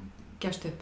Þannig að, nei, ég sá ekki alveg að það væri málið, en þetta er svona blanda af þessum nesta og einmitt svona praktika strategíu. Og þegar þú veist í raun og veru sko já, já, þetta, þetta þarf að vera bæði. Já, það þarf að vera en, bæði, en þú veist, sko. það er auðvitað mjög sniðugt sko, ég meina ef þú ert með hérna, hugmynd að, að Já. gera stuppmyndi fyrir lengt Já. þetta, þetta, þetta, þetta er ótrúlega lógisk leið Þetta er lókislega, margir hafa farið þá leið og gert það, með sko góðum árangri. mm En, en sko, kannski hefði ég farið þá leið ef ég hefði ekki reykist á skjálta, en þess að í og var ekki að leita ég fór, það var ekki þannig, ég var svona sko einhverja bækur eða, eða Mhm. neitt, ég, svona, ég var meira að hugsa, ég ætlaði bara að halda áfram með kvikmyndina um parið sem var að kljást við já, Og þú veist, og ætlaði mér þetta, um, Átni Óli var búin að bjóðast til þess að hérna, lesa yfir fyrir mig og þó að námskeiði var löngu búið. Mm -hmm. og hérna og er það ekki hinn, hinn stuppmyndin Hm. er það ekki hinn stuppmyndin svo, svo saga, nei. Er þetta sem varst að þróa hjá Árna og Hatta Jú, Já. nei, það var, það, var, það var mynd í fullri lengt, sko, Já, það, var, já, það var alveg það, í skilji þú veist, það var, var ég var bara á treatmentstaðnum þar, sko, þú veist, bara hvernig ætlar að segja, hvaða sög ætlar að segja í formi kveikmyndar í fullri lengt, -hmm. það var, það var HI kursin hjá þeim, Mhm. en svo var skærumyndir, það var alveg sér, það var stuttmynda já, já, já, formið, sko, ég en ég var eiginlega með tvent í gangi. Mhm. um, já, þannig að ég eiginlega var frekar á því að reyna bara að halda áfram að, að hérna, Mhm. að, með, með það verkefni og þannig að við Bergþóra Snæbjörns, við svona mm, ég er svona eftir að hafa unnið myndu með henni þá, þá spurði hann hvort að hún væri til í að gera það með mér að, að við myndum kannski skrifa saman handrit að Mhm. myndi í fullri lengt um fólk sem að væri kljóst við óhrusimi og henni leist rúslega vel á það þannig að við byrjum það ferli fórum í hérna midpoint Mhm. hérna handrita uh, smiðina Mhm. en uh, það fór samt aldrei það langt að ég sótt um styrk fyrir því ég hérna rakst bara svo á skjálta eiginlega hún eiginlega kom til mín Já, bara tók yfir. tók yfir bara. Mhm. og, og hérna og þá kom nestin, þá bara það, þetta verð ég að segja, þessa Mhm. sögu verð ég að segja. Bara þú last hana. já, Mhm. og, og svo svo margi sem hafa sagt við mig sko já, ég er mjög forvitin að sjá myndina en þess að ég las bókina og ég ég, ég, ég, ég, ég sá aldrei einhvern veginn að þetta getur orðið að kvik mjög margir hafa sagt það. Einhverjir hafa sagt, þetta er ekta bíómynd sko, ekta bíómynd dyggt upp eins og rannsókn á lögur sá. Þannig að hérna, en ég veginn aftur það, það, skipti mig ekki máli þannig þess að ég sá, sá leiðin Akkurat. Og þú sást hana bara strax. ég sá hann strax og hérna og bara opnunadrið og bara þú veist og bara sá alveg bara Er opnun þetta eins og í myndinni? Er, nei, ég, ég ætlaði að byrja myndina eins og bókina en svo hérna sko þegar ég ákvaði að fara þessa leið þá fjekk ég uppalega hana Möggu Örnúls til þess að skrifa þetta með mér Mhm. og hún var til í það þannig að þegar við byrjum uh, að sækja um fyrstu handrættstyrkina þá er hún með mér Mhm. og hún er alveg stórkostleg kona og æðislega klár og, og hérna hún benti mér á að veist það væri betra að byrja hana ekki svona heldur að og, og veist og Mhm. sem að var alveg hár rétt þannig að ég fann að ég gæti ekki alveg farið þá leið eins og ég farin í bókinni Mhm. þannig ég lærði rosalega mikið af því en, en æxl, hlutin er æxlust þannig að ég vann miklu hraðar heldur en veist, Magga var alveg fullt af öðru verkefni í gangi og, busy. og bara busy og, veist, og ég var einhvern veginn bara ko- ég var, þú veist ég vinn stundum eins og maskina veist, bara, bara stundum bara þegar nestin bara kemur þá bara veginn Mhm. bara held ég áfram og, og hérna maðurinn minn stundum alveg bara tinna þú búin að sita hérna í nýju klukkutíma að skrifa þú veist, hvað er þetta spá? Og hérna fór í bakinu og allt sko veist, þannig að ég veit ekki, það er rosalega öfgar en hérna, já þannig að það ægslaðist þannig að ég eiginlega bara ákveða að skrifa handritið einn, að því ég fann það líka Mhm. ég sagði möggu frá því að þú veist, ég er með svo sterka sín, inn á, sín á þessa bók að ég held ég verði bara að segja þessu sögu sjálf Mhm. og hún skildi mig fullkomlega þú veist, hún byrjaði, gaf mér hérna, við byrjuðum þetta saman en svo stigur hún út og, Mhm. og ég spurði viltu vera og hún var til í það Mhm. þannig að hún briljant. Já, þannig að hún sagt, mm. var, er handréttaraðgjafi og svo var ég, sko, þegar ég var í þessu ferli að skrifa, skrifa handréttið þá hérna eh, var ég mjög dögulega að fara mitt á svona handrétta vinnusmiður, fá feedback frá Mhm. fólki og ég leitaði mitt til Hattagunna, uh, hann var handréttaraðgjafi Mhm. uh, og, og uh, Möggu, Otto Geir Borg var líka handréttaraðgjafi þannig ég var ós að dögulega að fá Mhm. feedback frá fólki Mhm. og hérna Það er gulls í gildi. alveg rosalega og það er svo, ég elskaði með hennan heim hvað fólk er tilbúið til þess Mhm. mér finnst það svo frábært Mhm. ég, mætti, ég, ég fekk alltaf já, Mhm. bara já, til í þetta bara sendi þetta á mig og ég skal skoða þetta yes, þannig að hérna þannig ég hef aldrei verið feimið við það og sóst mikið í það að fá að heyra hvað öðrum finnst þannig að Mhm. það eru fleiri sem eiga eitthvað í þessu handriti heldur en ég Mhm. en einhverja sigur þá þarf maður líka að Þú velur að hafna mann. já, þú velur að hafna sko Já. En ég held ég hafi gert svona 40 dröft eða eitthvað, þú veist, ég var alltaf að hrinskrifa og ég var að, bara vildi ekki fara í tökur fyrir en að handriti væri tilbúið. Mhm. Sumir hætta þegar þú styrkurinn er komin og þetta er einhvern veginn komið. Ég var að skrifa alveg fram á bara, Mhm. bara þú veist, daginn fyrir tökur eða eitthvað, sko. Ég var alveg bara því að, þú veist, það varði einhvern veginn að þetta, það að gera bóka kvikmynd, þetta er eitt einfalt, sko Nei, nei. þó ég hafi séð einhverju rosa skýra sín og allt það þá er leiðin að því hún er alveg, þú veist flókin skilur og ég fekk leiði hjá auði til þess að breyta rosalega miklu þú veist, ég hendi personum út ég bæti mér þess að við personum skrifa inn personu sem er Já. ekki hana Aha. en grunnurinn, sagan um hvað þetta er og hvað gerist Já. er alveg það sama Er, var, var hún eitthvað innmálur eða var hún að lesa? Eða, Nei, ég bauði henni að lesa alveg aftur og aftur og aftur bara, þú veist bara, hérna, auður, ég er að fara svolítið langt frá bókinni núna, þú veist, viltu hérna lesa þetta yfir og, og gefa þína blessun bara, nei, nei, nei, treysti þið fullkomlega þú verður að segja þetta með þínu nefi og þetta er kvikmynd, hún er fullan skilning á því Já. sem var rosalega gott er frábært. já. Já, frábært. Að því í bókinni er saga, aðal persónan, hún er rosalega stað, er svona svo passív Mhm.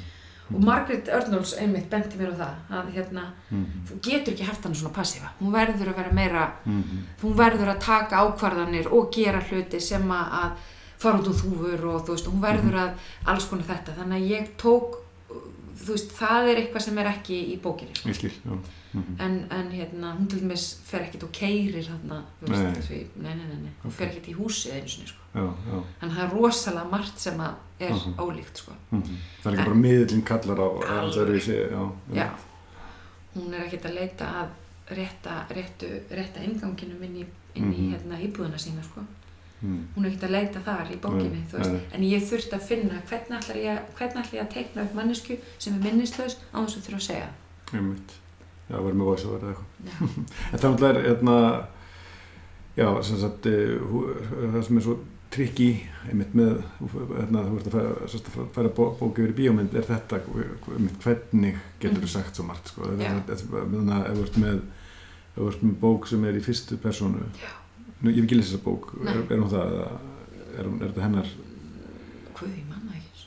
Nei, Nei. jú, jú, jú, jú. Vist, þá, þá getur verið, það verið endalist að svona vandamálum, sko, Vist, bara, hvernig get ég látið þessa tilfinningar hennar að koma fram, sko.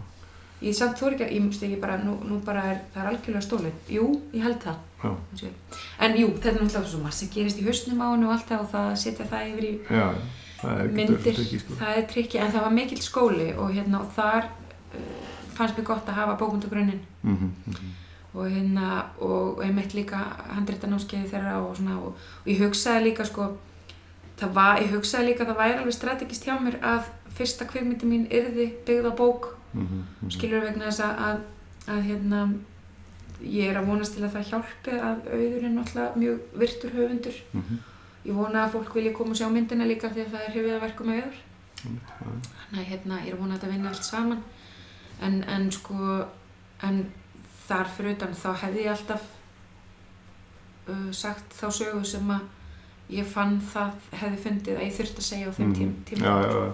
Já, menn það, en það, það er ekki, en ég, ég get svolítið þessu sko að bækur, það er, þú veist, er ekki, það er ekkert auðveldara við það. Þú veist, það er bara öðruvísi challenges, já, en það er bara, hérna, það er einhvern veginn, já, við getum ekki séð neitt sem er eitthvað þægilega við það. nei, alls ekki Kannski, einhver, kann, kannski einhverja bækur sem að liggja mjög vel fyrir, en það er almennt ekki held ég. já, nákvæmlega það, þú veist, það er ekki, þetta er bara eins og segir þetta er annars konar leið að Já. sögunni sko, sem þú vilt segja Það er mögulega, sko, ég er endur veltinn fyrir mér, sko, ég hef ekki þessum áður, en þú veist, mögulega þú tekur bók sem er mjög svona satt, já, sem er svona einhvern veginn, kannski linja struktúrlega hvernig það er og þú ert að bara gera tíu þátt að seríu, sko, þá kannski getur þú svona sett alls konar inn og þá, þá ég held að í, í því formati færistu nær hérna, skáldsögunni, já, mögulega, mögulega, mögulega.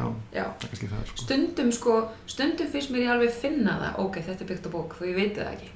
Hvort sem það er, þú veist, þættir eða kvikmynd. Já, stundum einhvern veginn er þetta, þú veist, svo mikið einhvern veginn skáldverk og þá finnst mér stundum finna og mér finnst það alltaf miður já, einmitt, einmitt, ef maður fer að hugsa þangað. já, svo er líka bara, einmitt, þetta er svo, svo er bara svo subjected, ég meina, ef þú að gera þessa mynd er öðru sinnálgun heldur en einhver annar gera hana, sko, Já, þú veist, eftir þessari bók, sem Já. bók, þannig að svona, þetta er, er bara, hvað, ég nefnilega sko, ég nefnilega vildi fara þá leið að reyna að komast eins mikið og ég gat, eða koma áhörvandunum eins Mm. mikið og gat inn í höfuð á henni mm -hmm. sem er alveg challenge fyrir fyrstu mynd sko. en, en, en en þú ert alveg, hún er alveg þar, Já, það er nefnilega fólk segir það. Ég er rosa glöð að heyra það, en þess að þú veist, fólk hefur alveg sagt að þér, þér tókst það, segja, segja Já, já. sem að segja, sko.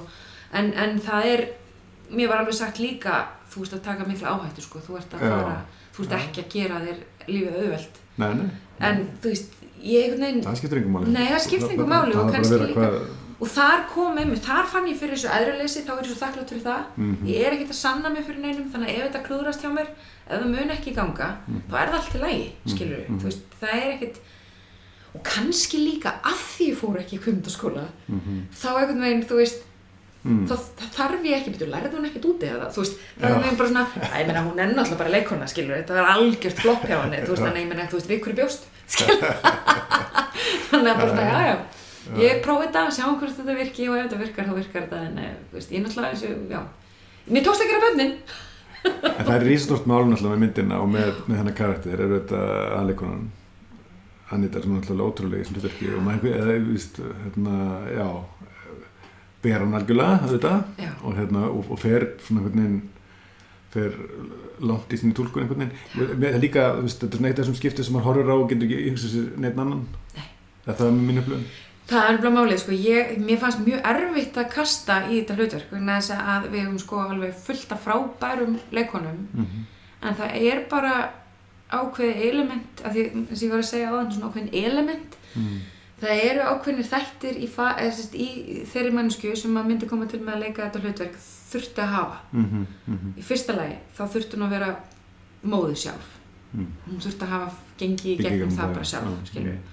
Og hérna þannig að hún gæti ekki heldur verið það ung. Mhm. um, hún þurfti að vera með ákveðna svona viðkvæmni og ákveðna á, á, á, ákveðna svona svona aðgang að sálunni vera einhvern veginn svona rosalega opinn en um leið sterk, bara svona ákveðni þættir sem að hérna, ég hérna leitaði eftir og, og hérna og ég, þú veist, var alveg með pröfur og, og, og var að velta þessu lengi fyrir mér en, en ég fekk yðurlega þessa spurningu bara hvern ætlar að láta leika þetta. Mm -hmm. þeir sem hefur lesið Þetta er stóra mál já, stóra máli sko. Mm.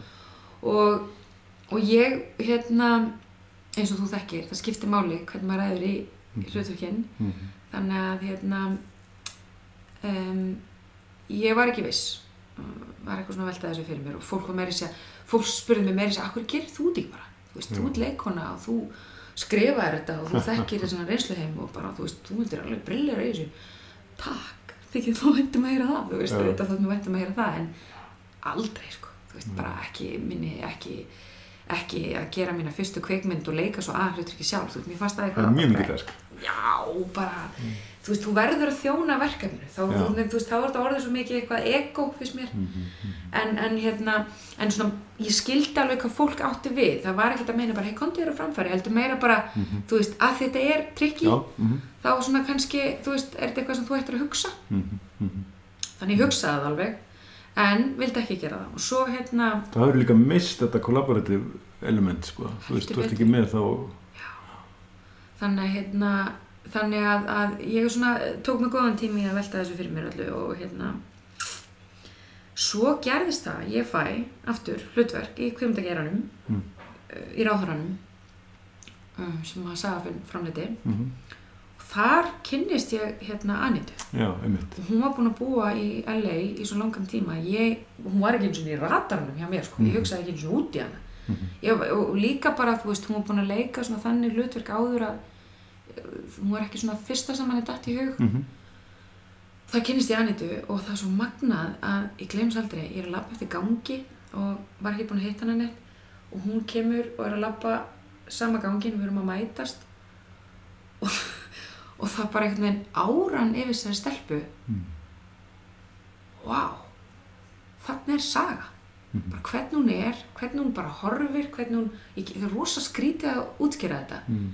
þarna er áran sem ég er svolítið að leita eftir Mm þess að Anita er hún er rosalega svona heil hún er svona heil manneskja og fyrir mér er það rosalega mikilvægt bara fyrir alla listamenn að vera Mhm. heilir -hmm. og þá, þá er ég við að vera heil þá er ég við að það sem hún gerir er svo satt skilur Mhm. hún svo einlag Mhm. og hérna hún teiknar ekki upp hluti og sumir gera það Mhm. mér finnst ég alltaf sjá það strax Mhm. og rættum þetta rosalega mikið þegar ég var hérna út í hérna var að leika í danskri kveikmyndunum nýlega sem að heitir Margrét Fyrsta Mhm. þá var ég að eiga þetta samtal við hvorki meira en minna Tríni Dýrholm þá stórkustlu leikonu þá rættum við þessa þetta element sem að er sumi gera það er að teikna upp hluti Mhm. og hún sagði mér þetta líka um mig, hún er ekki leikstjóri, hún er leikona hún sagði ég sé þetta alltaf, ég sé alltaf þegar leikarar fara út fyrir sjálf, sjálfa sig og horfa á sig leika Mhm. Mhm. Og, og hérna hún sagði ég sé þetta alltaf, bara með reynslunni þar sé ég þetta um leið, sumi gerir þetta, aðri gerir þetta ekki. Mhm. það er, þetta heitir á góður íslensku meðvitund. Mhm. það sem að þú ert þú ert ekki, Mhm. þú ert meira bara að teikna upp það sem að þú ætlar að framkalla Mhm. í staðan fyrir að vera. Og þegar ég býð Anitu að koma í pröfu og þá sé ég þetta bara strax. Hún er, hún kann það. Og það er ekkert allir, allir sem geta það og hérna og það fyrir mér fyrir þetta hlutverk var rosalega mikilvægt Mm. til þess einmitt að komast inn í hausin á henni til þess að hafa þetta aðgengi að henni sem að hérna, það mátti ekki vera sko snefilla meðvitund Mhm, mhm. og hérna og, og hún kann, kunni það og við líka við unnum sko, þú veist, svo bara unnum við það náið saman, þú veist, í leikstyrinu rosalega mikið mhm. Og sagði alveg við hana, þú veist, ég vinn þannig að ég leikstýri mikið og hún var bara svo til í það. Mhm. og ég sagði við hana, þú mútt ekki vera með neitt make-up. Já, af því það skiptir svo miklu máli að, að, að hún sé al, algjörlega berskjölduð. Já. bara uh, sönn í öllu sem hún er að gera. Og hún var til í það og bara rosalega opinn og, og ég minna auðvitað er þetta gaman fyrir hann að fá svona tækifæri á sínum ferli en þetta er algjörlega gjörsamlega ólíkt því sem hún hefur gert hinga til. Þú veist, hvernig hún væri ráðhöranum það er allt öðruvísi Mhm. Og hérna þannig að þú veist, þetta er þetta, við fórum svolítið svona mm, djúpt í þetta. Og þetta var mikil áskorun fyrir hana og náttúrulega fyrir mig líka. En fyrir hana sem leikara þá gekk hún mjög nærri sér. Hún fór mjög langt. Og hún þurfti alveg góðan tíma til að jafna sig eftir þetta hlutverk. Já, hún fyrir svona ólinn já. Og sem að ég bara, þú veist, síni bara hvað hún er stórkostlega listamaður og, Mhm. og hérna og tilbúin að ganga langt og gefa mikið af sér og það skilaði sér. En ég var heldur ekkert að gefa henni færa á að gera neitt annað. Við heldum áfram þanga til að kom skilur og, og hérna mér finnst það líka rosa fínt. Ég, svona, ég, ég sé alltaf í tökunum að þið komið þú veist, þú veist, ég sé alveg bara ok, þú veist, aftur, aftur og, og ég sé þegar að þegar að einhvern veginn það smellir og ég er rosalega þakklátt fyrir það líka. Mm -hmm. hún er líka með þetta element að, að, að, að kannski bara samáðast að lýsa að þú veist, maður svona hérna, um, ég var aðeins unni minni sko, að maður, maður, hún, hún er getur ekki gert hlutinu hvernig nema hún trúi, eða þú veist. Absolutt, hérna, já, þannig Já. hún verður alltaf að finna þannig Já. leiða því og þá fyrir Já. skinni, skinni við það, sko. Já, já og ég fann það líka svo stert sko þegar ég minna, þú veist, dagar eru misjafnir og við erum misjafnlega vel upplöð Mhm. það kom alveg fyrir í tökum að þú veist, þessi meðvitundannar og, Mhm. og þessum við öll höfum kom og, og hérna og hlutinni voru ekki alveg að virka og þá, þú veist, þá, þá var líka sko munurinn svo skýr. Já, já. Skilur, þá var ég bara, wow, nei, heyrðu, við erum að fara að gera þetta aftur og hérna prófaði meira, þú veist. Já, hvað segir þá við já, þú veist, prófaði meira bara uh, hérna Tommy, tökumæðurinn minn, Tómas Verð hann sagði, Tina ég elska kvíslið þitt. Ég bókstaflega elska kvíslið þitt. Af því þú veist ég svona fór oft bara svona til hennar og bara svona við áttu svona gott, bara svona náið spjall. Og svona kvíslaði á henni og bara og hérna, og þú finnst svona, já, ok, kvíslið mitt. Af því maður er ekkert með þetta um svona hluti sjálfur svo bara eftir á bara, ég elska það svo kvíslið þitt. En hérna að, að, að hérna að svo þegar að það tókst og þetta var satt og rétt, þá fann hún það líka sjálf. Já. þannig að þetta var svona win-win fyrir okkur báðar og Þetta er, ég meina, einhver liti er þetta, ka- það er kannski bara, veist, að minn minnan á það bara, heyrðu, Ég, algjörlega. Nú nert aðeins að hérna, já, líka bara, þú veist hvað er það sem ég vil ekki áherslu á þa- þarna í þessari sinu Mhm, mm -hmm. hún er ekki svona reið, hún er miklu meira já, já, já, eitthvað svoleiðis. Mhm, og hérna og, og ég bara er rosalega þakklátt fyrir að hafa fengið hann þetta hlutverk. En svo, svo æxlaðist það nú reyndar þannig að ég leik hlutverk í myndinni, ég leik jú. systurinnar en það var ekki ætlunin sko. Nei, ég ætlaði að fá nínudögg til þess að leika það. Já, og hún var svo til í það og hún var æðislega í pröfunum og bara, bara nýnaði frábær. En svo, vor, svo þurftum við að hérna, hringla með tökutímabilið út af, út af mannskapnum sem ég vildi fá inn í, inn í þetta og eitthvað og, og þá fór þetta allt í hann að stangast á við verbúð. Já, þannig að Nína þurfti að bakka út. Mhm, mhm. Og það var eiginlega bara undir það síðasta þegar við vorum einhvern veginn búin að negla þetta allt. Þannig að þá þú gerir þetta, koma aftur koma aftur að þetta, hvað gerir þú þetta ekki bara? Menna, þið, þú veist, þið alveg sens sem systur og eitthvað og þú þekki söguna út og inn og þannig ég bara, já ok, ég ger það bara. Ég sé ekki eftir því, sko. En, en, veist, hvernig voru þær senur? Ég meina, veist, varstu, hvernig, hvernig, og líka bara, með alls konar spurningar tengt þessu, sko, þú veist, ég get alveg sé fyrir mér að þú viljir byrja myndina og ekkert endilega á þínum senum, skilur Nei, alls ekki. Já, Nei, málið er að, þú veist, það er svo skrítið að, að ég, nein, fyrir mér er verkefni alltaf kongurinn, þú veist, það er eiginlega bara, einmitt. og ég vann, vann allt einhvern veginn þannig, þú veist, að það er alveg sama þó að þetta, þú veist, að, þú veist ef, ef maður næri að taka egoið í burtu, en Mhm. þú veist, hvað þjónar verkefninu, ef að verkefni, ef við erum alltaf með verkefni í fórgrunni, Mhm. þá einhvern veginn ganga hlutinir vel og þeir verða sannir.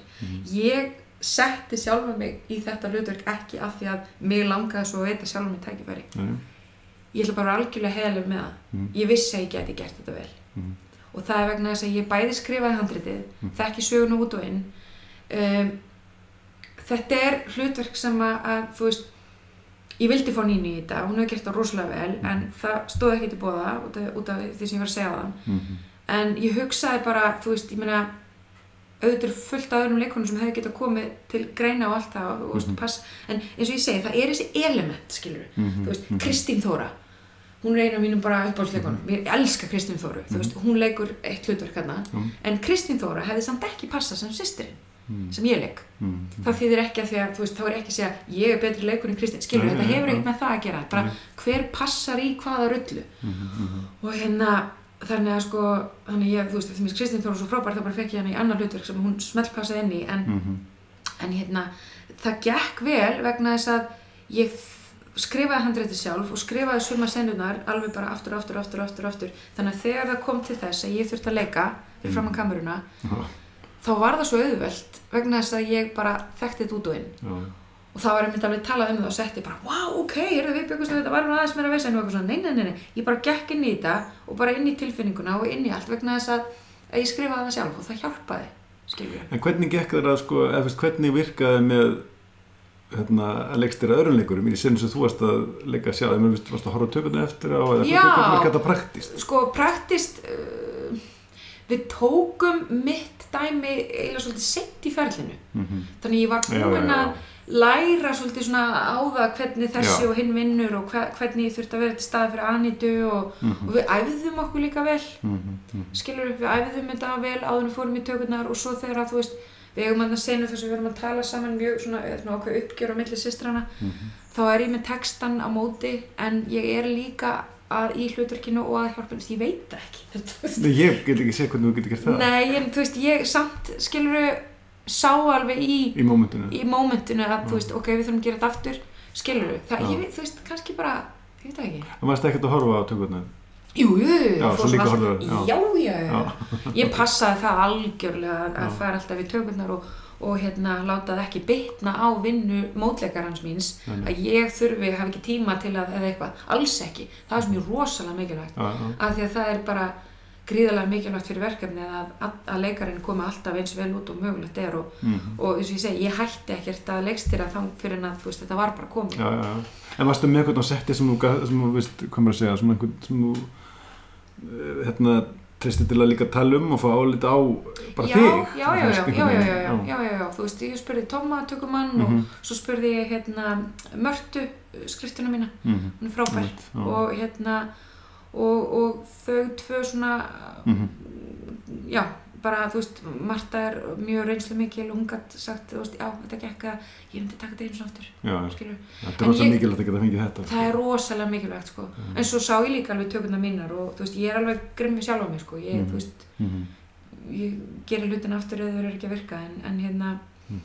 en ég held að sko að, þú veist, þetta fyrir mér þetta vafðist ekki fyrir mér sko og ég hugsaði líka, ég viss alveg hvað ég var að fara út í ég vil heldur ekki bjóða krúin upp á það að ég er eitthvað, þú veist, að leika og gera alla hlutina og eitthvað svona og það er eitthvað rosalega rosalega tímafrekt af því að þú veist, þetta Mhm. snýst allt svo mikið um mig Mhm. Mhm. þetta er, ég fann, ég fann alveg í krúinu að fólki fannst þetta alveg mega fullkomi sens Mhm. þau voru með mér í þessu Mhm. það fannst mér frábært að finna og Mhm. þau mörgir sem kvöttu mig til þess Mhm. þú veist, mér finnst þú að ég er að gera þetta þú átt að gera þetta, skilur Það já, af því að sko, þú veist, ég er leikona og, Já, já.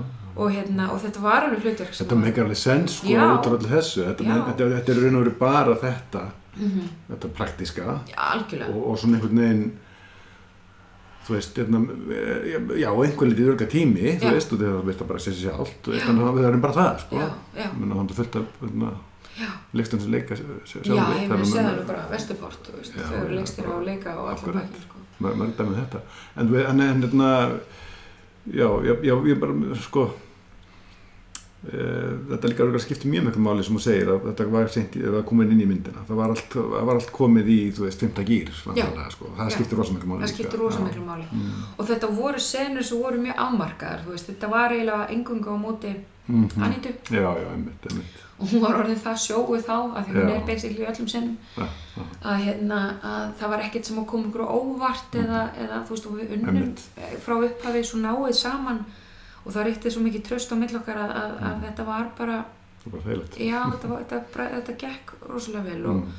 og maður hugsa líka, þú kemst ekki hjá því í svona stöðu að hugsa bara sem fagmaður skilur það þýðir ekkert að vera, Nei, nei. hvað fæli þessum finnist um að ég sé að ég náði ekkert að íta því bara í burtu þannig að, að hérna, ég vissi alveg að, að þetta var að gera verkefninu gott Já, þetta er heldur ekki aðhlutverk þetta, þetta, er, þetta, þetta er heldur ekki aðhlutverki sko. Nei, nei, nei, nei. það skiptir Nei. líka máli með þetta sko. absolutt, Já, já.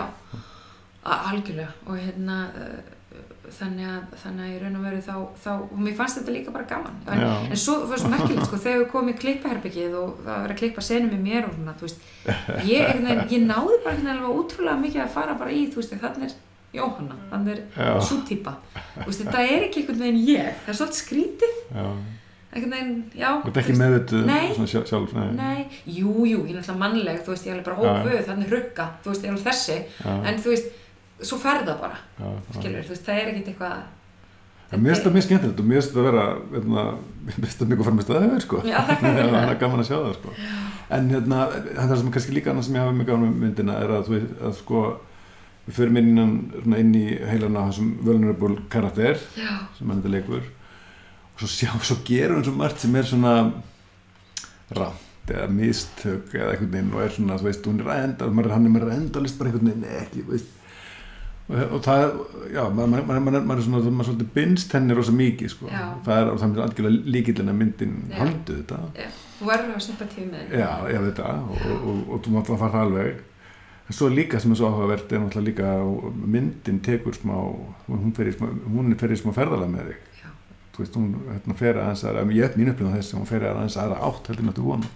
Já, það er nefnilega svo frábært að heyra, sko, því það er einhvern veginn, það er mjög skemmtileg skemmtileg já, ég var svo ótrúlega ánað að heyra það þegar þú sagði mér það og fleiri hafa sagt mér líka, ég bjóst ekki við þessu, eða, Já, þannig hérna, þannig að það, að þú veist ekkert fyrirfram hvort að það takist, skilur, ná, nei þannig En var það, er það, þú veist, uh, já, er, er það bókin í fyrsta lagi, er, er, er það meðvitað, hvað maður að segja, hún aðeins, já, hún, hún, hún skiptir ekki um sjanrabend, en hún skiptir eins og gýr, Já. sko ég segja. já, Þannig að það er alveg, já, Já, ég sko, þú veist, mér fannst það vera styrkleiki að ég gæti þarna bæði sagt svo kallega svona hálgerða rannsóknar Mhm. sögu, rannsók, leinulöku sögu sem að snýst um að hérna, rannsaka sjálfið mhm, en mhm. ekki glæp, Já, en samt ertu líka með glæp innan gæðslepa, Já, já, en að það er, það er hérna eh, mjög trakiskur eh, eða skelfilegur atbyrðu sem að ger, gerist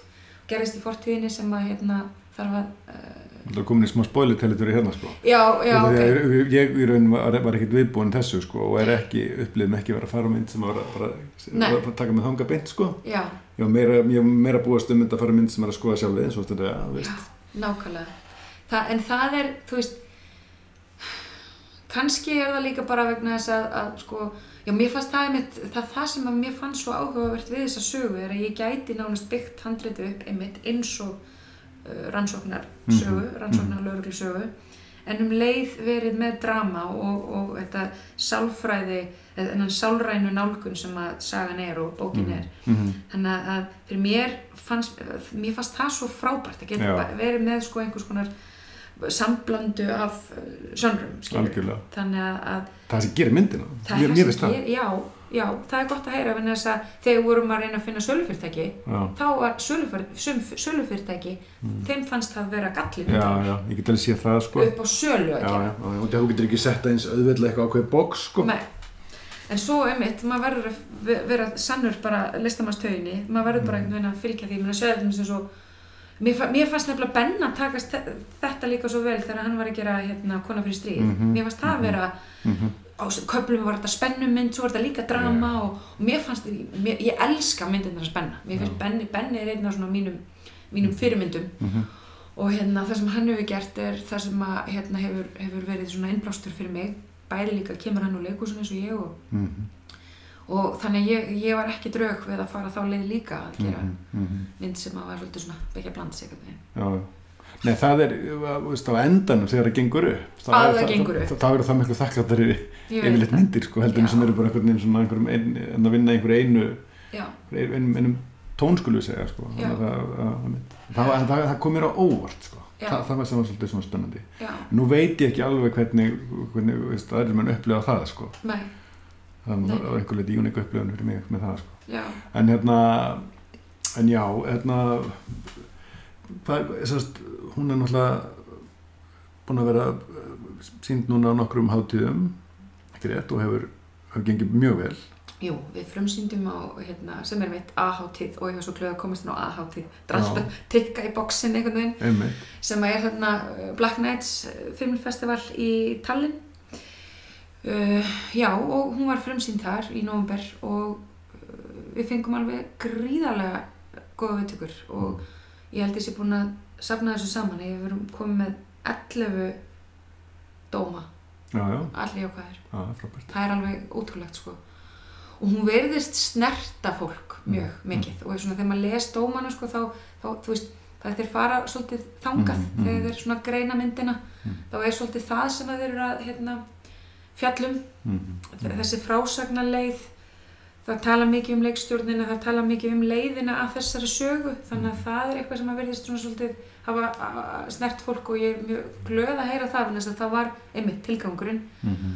En svo e, verður hún e, frumsýnd núna í 19. Nú, á, janúar á eh, Troms, í Tromsö, Mm mm Nóri, International Film Festival í Tromsö. Svo fer hún á Gautaborg í byrjun februar. Mhm. Þannig að ég, og við erum að stefna á frumsýna núna í lók februar hér á Íslandi því ástandið er bara þannig núna Einmitt. þegar við tökum upp þetta viðtal að það er ekkert hægt að frumsýna strax. En þá er búið að frumsýna næst að setja í þremur löndum neina heima Já. sem er mjög sérstakt en, en gaman að einhverju leiti af því að þú veist þá Mhm. nærmar að sjóast aðeins en ég vona viðtökurnar verði áfram jákvæðar Mhm. ég vona það ennilega en hérna en ég hlakka mikið til að segja þessa sögu að sína þessa sögu að og einmitt á þeim forsendum að ég er að vonast til að hún snerti við fólki Mhm. ég er að vonast til að hérna að, hérna, að, að þetta sé hlu þetta er svona mitt framlag inn í þessa umræðu sem er svo mikið í gangi núna það er Mm. þetta með, að, með þöggunina og að það að þú veist það er ekki talað um hlutina og, Mm. og, og hvað afleðingar hefur það og Já, Og- þetta er sem allir geta tengt við einhverju allir leyti, geta tengt við sko og hérna og í þessu tilfelli er fjölskyldan ramminn og, Já. og, hérna, og Það er líka annað sem er mitt skoti þegar allir, allir geta tengt við þetta frá alls konar ólíkum og þú Já. ert með það allt saman Já. og, minna, hérna, og Dói, þú veist, hans hans karakter sem hann er að gangi í gegnum og þú veist, þetta er, þetta er já, það er mitt nákvæmlega. Algjörlega. Og hérna og þetta með sko að vera að því að sko, þú veist, það er afleðingar sem að, að þessi þöggun hefur á sögu er að hún verður svolítið svona hvað sem er dysfunctional, hvað er gott íslenskt Já. orðið við það, hún verður mm hún, hún verður það, það er góð íslensletta góð íslensk þetta hún, já, þú veist, afleðingar þöggunarinnar eru þær að hún uh, hún funkar ekki alveg eðlilega í samskiptum, uh, hún saga og hérna, og, og ég hef verið þar sjálf, mm skilur þegar ég var úlingur, þú veist, ég var alveg bara eða úlingur, svona kringum tvítugt ég var mjög, mjög svona óstabil og svona ekki, ekki góð jafnvægi. Mhm. og það er að því að þú veist ég þurfti bara í raun og veru í gegnum svona ferli að átta mig á hlutum fara inn í svona sjálfskoðun þannig, ég, þannig að þú veist þá, þá, þá er það svo geggja að geta sagt þessa sögu í formi annarar bókar eftir annan höfund -hmm. sem hefur líka í raun og veru farið í gegnum allt þetta sama, þessa sjálfskoðun að, að, að sko að hérna að, að hérna ég veit betur núna, ég er búin að læra þetta núna og það er akkur það sem að saga gengur í gegnum og þá Mhm. einhvern veginn veist, þá, þá er einhvern veginn viljin ég vona, ég vona fólk svona sjáu að því við höfum öll þessi element í okkur að einhvern veginn eiga eitthvað sem við eigum erfitt með að, að Mhm. díla við eða horfast í augu við eða og það þarf ekki að vera eitthvað rosalega alvarlegt eða dramatíst, það, það getur verið bara eitthvað lítið skilur Mhm, en, en, en ég er á því að við þurftum eiginlega öll að fara til einhvers konar sálfræðings. Eða gera bíómynd. Já, eða það, eða það, nákvæmlega Mér- ég er alltaf, er að upplega sko, veist, með bíómynd getur maður sko gert alls konar sem maður svona dreymir um sko, Já. en má ekki gera eða er ekki hægt að gera eða, eða, eða, eða vinnur einhverju sko, bíómyndin er oft góð leið í það sko. Nákvæmlega, nákvæmlega. Það er mjög málið, sko. En mér langar að spyrja út í hérna, samstarf eitthvað hjóna. Já, út af því að hérna dói náttúrulega. Mhm, svona, ég, hef upplefað náttúrulega að þeir eru rosa svona samstiga Já. í þessu og, og mér langar svona bara út af því að hann er í, í, í stöppmyndunum þá kom hann að, að var hann að framleiða ekki rétt eða svona kom, Ég sést í fyrri stuttmyndinni Helgu þá gerði hann samdan tónlistina. Já, ömmitt, já, Já. alveg rétt.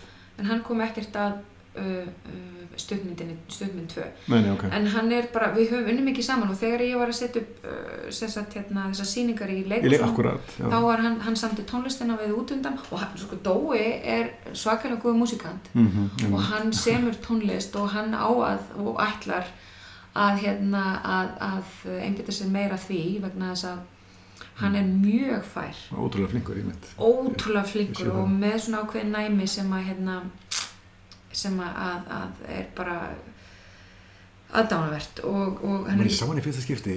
Ég Já. vissi ekki hann spilaði hljóðfæri hérna bara eftir mörg, mörg ár síðan. Já, þá var hann spilaði, hvað var þetta, cover fyrir Zeppelin eða eitthvað, já eða Kiss Já, já, ok, um, um, hann hefur líka verið í Zeppelin einhverju bandi en mjög að síðan ég bara einhvern veginn lappin einhvern bar og hann er að spila og er einhverjum brjáluðin gítasól og ég bara, ha, já, þú með þetta? já, hann er alveg, Hann- sko, hann- hann tekur harmoníku og píano og alveg Já, Bara í sér. hann myndi allt í sér sko.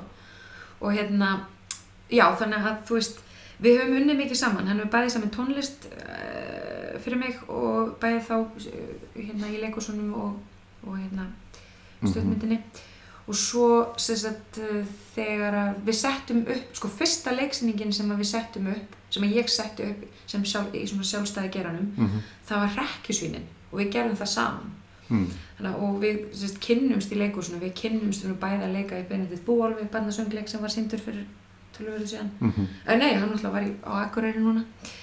Um, já, og þannig að já, við kynnumst, í leikursinu, leikum mikið saman og höfum í raun og var ekki þekkt neitt annað heldur en að vinna saman. Mm -hmm. Og, og hérna, og þú veist, þegar ég horfði til þess að Nín og Gísla, þú veist, þau vinna rosalega mikið saman og þú veist, ég bara, ég skil þau ógislega vel, vegna þess að þegar þetta gengur upp, Mhm. svona náið samstarf hjóna þá er það svo frábært, það er svo gaman að, að, að því að þetta er um leið og þetta er þinn besti vinnur þá er þetta líka þinn stærsti gaggrinandi Mhm. að þú veist, hann Mhm. segir hlutina nákvæmlega eins og þeir eru og hann les yfir fyrir mig og þú veist, og ég gef hann komment á tónlistina hans og það sem hann er að gera og mm Mhm. svona, við höfum alltaf verið mikil kvartning fyrir hvort annað Mm og hann sem sagt uh, þegar ég er að gera skjálta er í eftirvinnslu og uh, það er verið að vinna tónlistina af Páli Ragnari Pálssoni Mhm. og Eðvarði Egilsinni þá uh, finn ég að það er komið svona á þann stað í þeirri samvinnu að ég þarf einhvern veginn að miðla hlutum sem að ég aft þarna,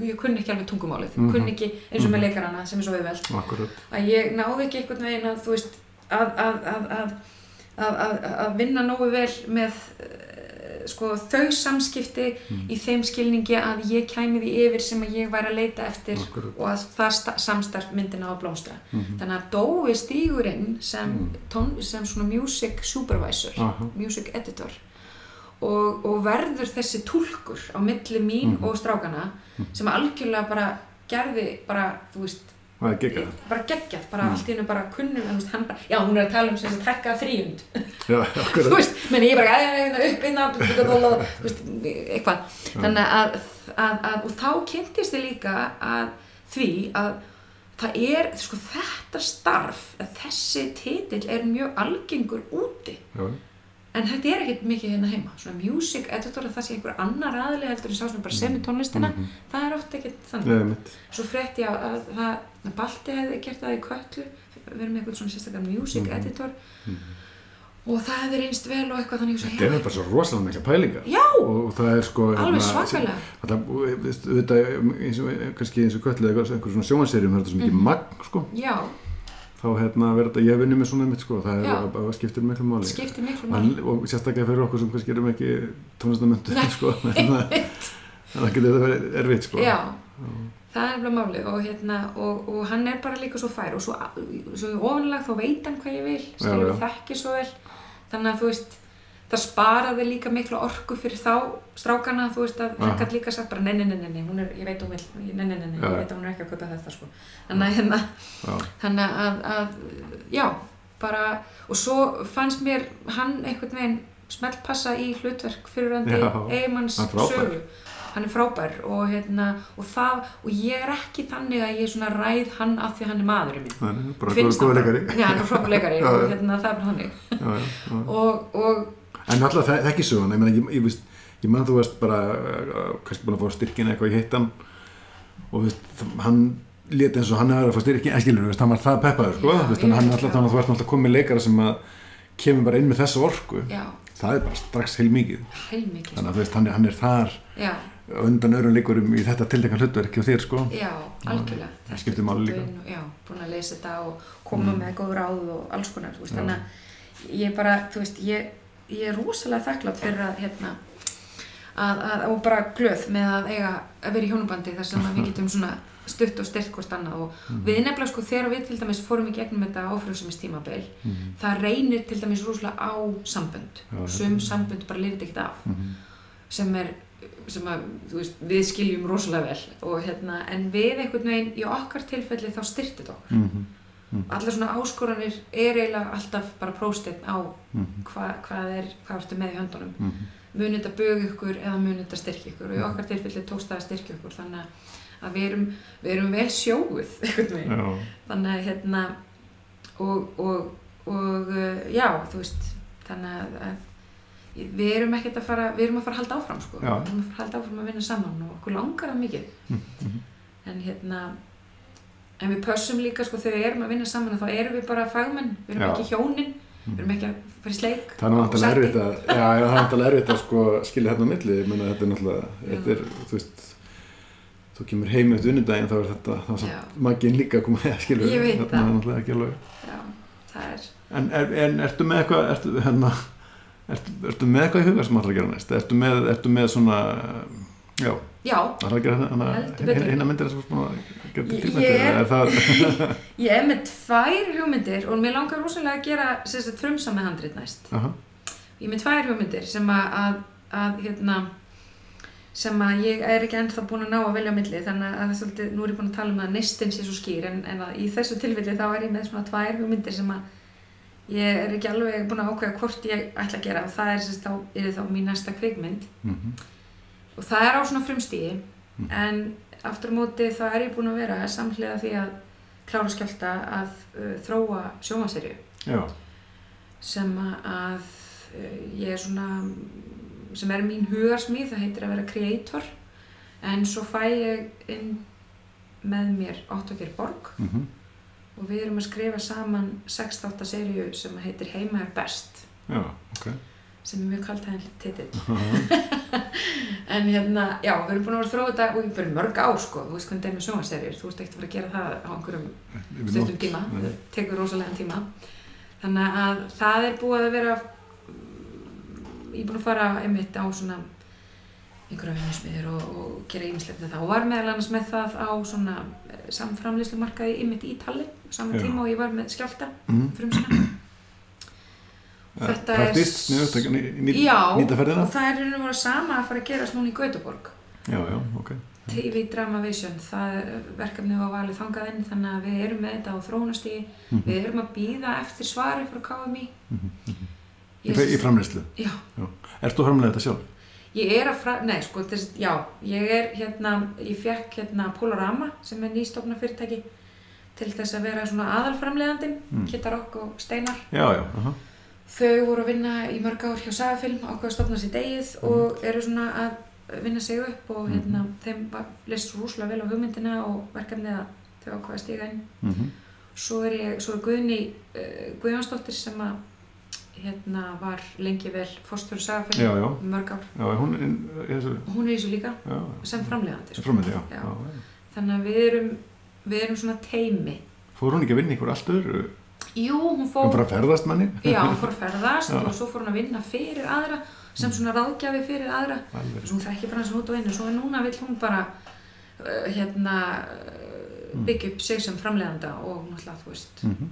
þekkir þetta út og inn þannig að Mm. við erum svona teimi og, og ég er líka framleiðandi mitt fyrirtæki Freyja Fölmörk er með framleiðandi Mhm. þannig að við erum svona að, að gera þetta í sammenningu Mhm. en sem sagt erum búin að vera núna á fundum og erum með núna mögulega með framleiðendur og erum Mhm. búin að selja þetta til Símans Mhm. Robert. og þannig að já, vonandi fáum við jákvæmt svar frá KMI, við veitum það ekki, það kemur í ljós en það er, þetta er á því stígi núna. Er, og þú mynd leikstýra Já, öllum þáttum? gaman að segja frá því að hérna að þar ætla ég líka að leika. Já. Það er karakter sem ég bara verð að leika, Já, það er bara ok. þannig. Og, og hérna, þetta fjallar um fjölskyldu sem að er að hérna kljást við erðamál og, og hérna aftur ég- Aftur ykkur sem allir ekki tengdur. Já, aftur eitthvað sem allir getur tengt og mér, mér langar að segja svoleiði sögur af því að þú veist, það búið að vera mikið leinlöku sögum og svoleiðis á Íslandi og sem er frábært en mér langar að hérna halda áfram að segja sögur af fólki eins og mér og þér sem að við um okkar fjölskyldu og öll, alls konar litlu flækjustegin og allt heldur þetta betur. Já. Já. Er Þannig Hvað- og ef ég segi erðamál það er allir á, a, Já. já En er það, veist, er, hvernig sjanrar er þetta? Hvað hvað líka tónin? Tónnin er, sko ég segi, sko þegar ég kynni þetta á ennsku þá segi ég satirical drama Já, já. þetta er drama en Ok. þetta er líka samt svona þetta er, sko, fyr, ekki fyrirmyndin en þú veist, ég elska Succession Já, og Succession er svona fyrir mér, þú veist einhvers konar fyrirmynd vegna þess að þú, þeir eru skýt samanmynda fyrirtæki Já, það eina sem þú ert að hugsa um hvernig bregst bróðurinn við, eða Já. pappin eða mamman, eða hvernig verður hvernig, hvernig, ó, þú veist það er það sem að uh, kveikir neistan hjá mér. Mér, þú veist, ég er með eitthvað lítinn ramma um eitthvað fyrirtæki sem að þau eru að velta fyrir sig hvernig þau eiga hver, hvernig þau eiga að díla við og eitthvað en, en, en, en aðal situasjóninnar í þessari serju er fjölskyldutengslin Já. og þessi flóknu, þessa flóknu aðstæður sem að skapast stundum þegar Mhm. fólk innan sömu fjölskyldu þarf að deila hlutum sem þeim öllum finn, finnst þeir eiga tilkall til og, og það er, þú veist, það var alltaf haldið meir upp á þig og þú veist, og það Allt þetta, maður, já. Þannig að þetta Frábært. er eitthvað, já, þetta er eitthvað sem að síminn algjörlega kyrti þetta sko. Þetta er mjög góð hugmynd. Takk fyrir það.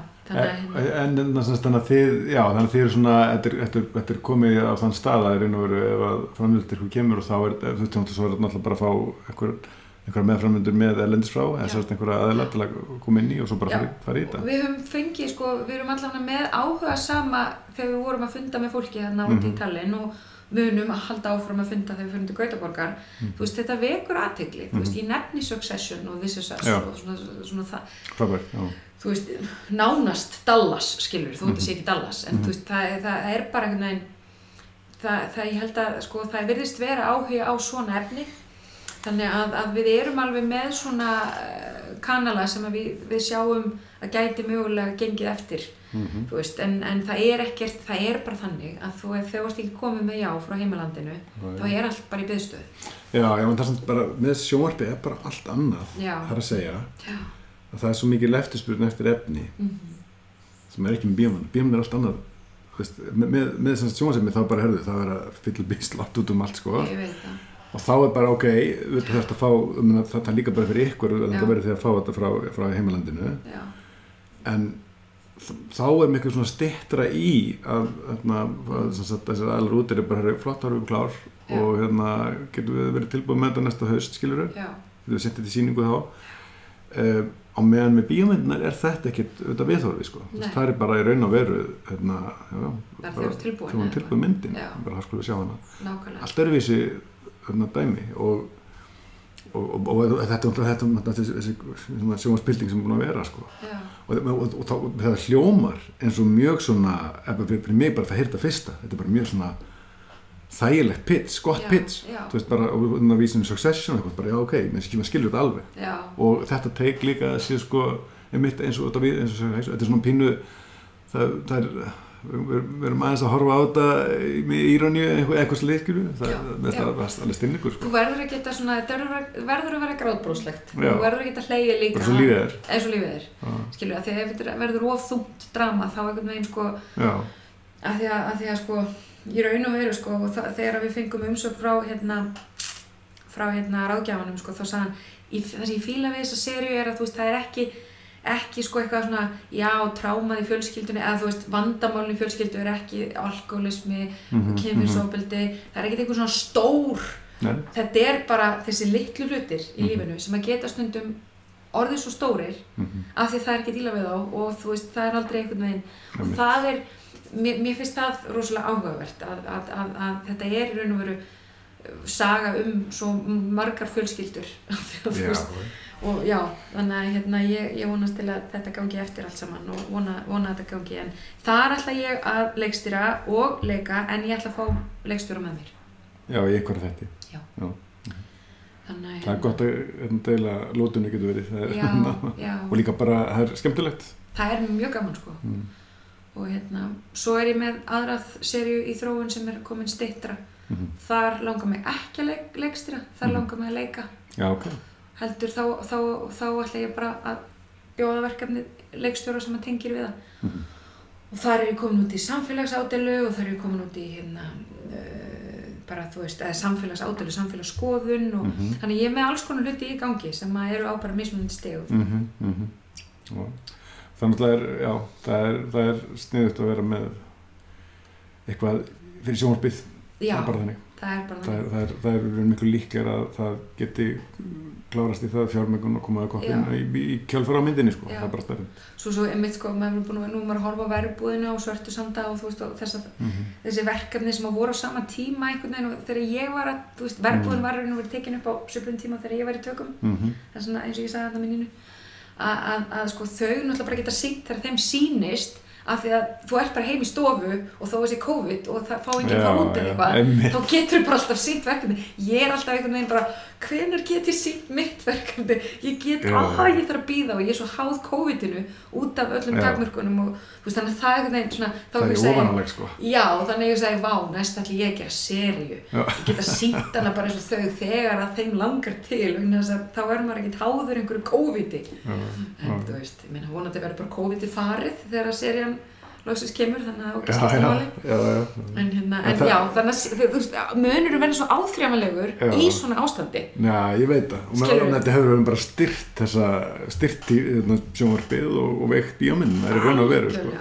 Sem er þetta sorglegt, sko. En, en, en, veist, en um leið er við í tækifæri þá Já, sjónvarsmegin. ég man sko, þegar ég var að sína þeim út í Tallinn, þá var sagt við mig, sko, ekki láta þið bregða þó að hérna, salurinn verði tómur. Mhm. þá verður bara nokkra hræður í salun Mhm. en þess að það er eiginlega, þú veist, það er COVID það er lengið að fara í bíó, það er allir að sjá þetta online. Þess að þá hafa aðeins, aðgang að myndunum líka online. Mhm. þannig að þannig að ég lef mér ekki bregða þó að væri ekki, þú veist, ég gæti ekki tekið mynd og sé, þú veist, það var tróðfullur salur þegar að hver skjáltið var fyrir um sitt í Tallinn og það var standing ovation, þú veist, ég gæti það ekki. Þess að ástandi var bara ekki Það þannig bara býr ekki upp að... fyrir ekki bara rosa skrítið að vera að gefa út, að, þú veist, reyna að koma út mynd í, í þessu árferði og ég fann líka fyrir því að, að hérna, það hafði takmarkandi áhrif á hvert myndin var valin inn Já. það voru hátíðir sem að hérna, sendu, ég fekk meira að segja sko bref frá einni hátíðinni sem er eina af þessum stærstu Mm. Undir öðrum kringum, hún Mm. komst í loka úrtak undir öðrum kringum stæðum hefði við tekið hann inn Og þetta er bara meira ásókn í þessar. Nei, bara frambóði var svo það, já. já, Já. frambóði meira og uppsafnað líka. uppsafnað og minna prógram Mm Vi, við til dæmis komumst inn á TIFF Já. kvimtaháttinni í Toronto Mm. hún var líka eina af þeim sem að hérna undir öðru, undir, þau við erum með miklu minna prógram í ár þannig að við ætlum að taka myndina inn en hún fer í Industry Select sem að er hérna markaðshluti hátíðarinnar Mhm. um, þú veist og, og, og, og getum ekki sínt hann í bíó vegna þess að veist, við verðum að velja hafna Mhm. þannig að Mhm. það er líka, og ég fór, al- veist, ég fór alveg í gegnum það að, Mhm. að segja við sjálfa mig ég hefði getað frumsýnt á Toronto ef að Já. það hefði ekki verið fyrir COVID en veist, þannig að uh, þetta er sem var skrítið, veist, þannig að ég fekk stimpilinn og sagði öllum og, og, og dundraði þig á Facebook, við fengum tiffstimpilinn Já. sem ég fekk Já, já. en það er bara á COVID sem að þetta var svona og þess að Industry Select sem að er þessi markaðslutið þeirra Mhm. hann var ekki fyrir COVID þetta er alveg nýtt þannig að hérna þannig að já, það eru alls konar svona hlutir sem að hafa gert þetta líka erfitt sko. En það er náttúrulega líka út að nefna þetta að þú getur ekki tekið mynda fullum sal eitthvað, sko. já, í sjónvarpinu ertu ald- aldrei með þetta, þetta feedback og bara, er bara sínt og, og, og sérstaklega með þetta á streymisveitunum sko. Það bara ferðaði loftið og, en, en sko, það er annar veruleiki sem við fáum í staðin og það eru samfélagsmiðlar. já, já, Það finnst já, mér já, alveg, já. sva, mér finnst það alveg svakalega þakklátt. Mhm. Þar ertu, þú sést ekki með live feedback, þú ert með feedbackin. Aldrei heldur betur Þú.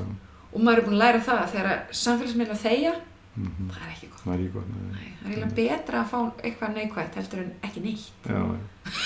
Nei, þetta er alveg, hérna, ég, þetta er, er búið að vera endurstning sko að að fylgjast með þessu gegnum, hérna, núna annars í svona stelu blómkvist við okkur, að það er bara svona rignir inn sko, hérna, frá ymsum löndum. Já. Og maður að segja, sko, hún hafi slegið gegn hjá lesbíum þessa heims. Ég heyrði það því. Og það er bara, það er alveg fáránlegt, sko. Og, hérna, og, og, og mjög mikil, hérna, svona mik mikla fyrirspurnir, ekki þrjá sísón og eitthvað svona. Og það, það, þetta er bara, og hérna, Veist, það er svo mikið af random dóti. Þú veist, fólk að klippa einhver myndbönd sjálft úr og bara alls konar sem að ég veist og mann alltaf sér ekki svo mikið allt en heldur sko. Það, þetta er bara svona en, þetta er alltaf mjög samt sko hvernig var það, þú veist, þetta er þetta, út af því að hérna, samfélagsmyndir geta verið svo einhvern veginn sakadelik, þú veist, þetta er ekki þú veist, þessu vargagrinni eða þú veist, þetta er er ekki svona skipulagt feedback Nei, og það þetta er sko miklu minna en það fyrir sjónvar heldur betur. sem er þetta hérna ókostur sko Já. en það er kannski líka út í það bara er verið þú veist að horfa heila serju, tjóðum við tíma Mhm. þannig að þú veist, þannig að þetta verður svona já, þetta, þetta, þetta verður ekkert að svona, þú verður ekki að rotna tomate og svo sér þetta, ok, það eru hérna fullt af gaggrinum og þetta, er meira bara, já, eitthvað svona feedback sem Já. er og einhver aðvöndu verða til en, en mitt, þetta, það er, er erfið að lesa í þetta sko Já, en það, er svo, svo sannlega við já, algjörlega. áhugavert. Þú veist, þú hefur alveg svo sem sína kosti og galla líka því að fólk getur líka bara verið óvægið og, og sagt það bara það sem því, því finnst en, en á móti kemur er að þú veist ég, veginn, ég er svolítið fylgjandi því að, að það sé aðgengi að skoðanskiptum mér, finnst það, fínt. Mhm. og hérna, kannski líka bara maður er náttúrulega, þú veist verandi ko- komur úr þessum leikúskeira, maður er orðinn svolítið vanur því að bara einhvern veginn hlutir eru, fólk Mm. bara svona segir það sem þið finnst um Já, það sem þú veist að gera. Já, já.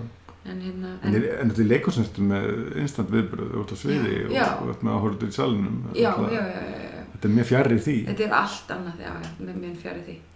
En það var rosa gaman að vera í salnum samt og heyra viðbröð frá fólki mm í Tallinn, af því það var það var í fyrsta skipti sem að já, það Já, já, einmitt, einmitt. það er svona, já, ok, ok það er, En sko, hérna, ég held að þegar það er hleyjað einhverju eða þú ert með horror, það eru það er þessi viðbröð sem maður finnir í sal Já. yfirleitt. einmitt, Það er erfiðara með aðra mynd með aðra, aðra annað sko, sem fólk er bara spennt og einhvern veginn að bara horfa já, ég veit en hlá, hlátur er náttúrulega bara eins og þú veist, það er eins og hérna það er eins og hérna að fá, þú veist, heroín í æðið eitthvað sko. Já, það. bara, er rosalegt kikk sko. Geðveikt kikk sko. Vá, nákvæmlega. Þannig að þannig að já, að við, náttúrulega var svona vonar innilega að það verði svona upp, svolítið uppsöfnuð þörf fyrir bíóasókn og, og Já. það haldi velli. Það er þetta allt annur upplöfun að, fara félagslega upplöfun líka og þetta betri, betri upplöfun Já, en það verist vera að færist í aukan eins og streymisveiturnar og mína fullt af einhverjum stórmyndum að fara einmitt á Netflix og allt þetta. Þannig að maður veit ekki hvað verður. Ég meina, já, já, ég held að bíóin mun alveg lifa af þú veist, það eins og segir, þetta er allt önnur upplöfun en, en, en ástandið náttúrulega er einhvern veginn núna þannig að, að þú veist, ég veit ekki fer þetta bara þangað að við sjáum að það er bara alveg skott að vera bara alltaf heima og það fær bara allt í sjónvarp Sko ég, þetta, er náttúrulega erfitt átt að segja en ég, það sem er, sem mikið talað um þessu þessi bandaríkjunum Já, er að sko hérna, þessi svona hefðbundnu stóru bíó sem hafa svona ráði ferðin í undarferðin 30-40 ára eitthvað sliðis Já. þau munu eiga dóldi erfitt sko. Já, og það er, og það, hins vegar eru hérna, hérna Alamo Drafthouse bíó keðjan til dæmis sem er með allt þessi upplöfun þar sem að þú veist, þú hérna, getur pantaði mat og þú veist, það eru þessi sæti það er svona öðruvísi- það er svo stemning. Já, það er meira svona night out að fara Já. þangað. Já, þau eru mjög brött. Hérna, ég hlust á viðtal við konuna sem er þar að forstjóri. Og hún tók við bara rétt áður en COVID brast á, tók við í februar eitthvað sliðis þannig, Já.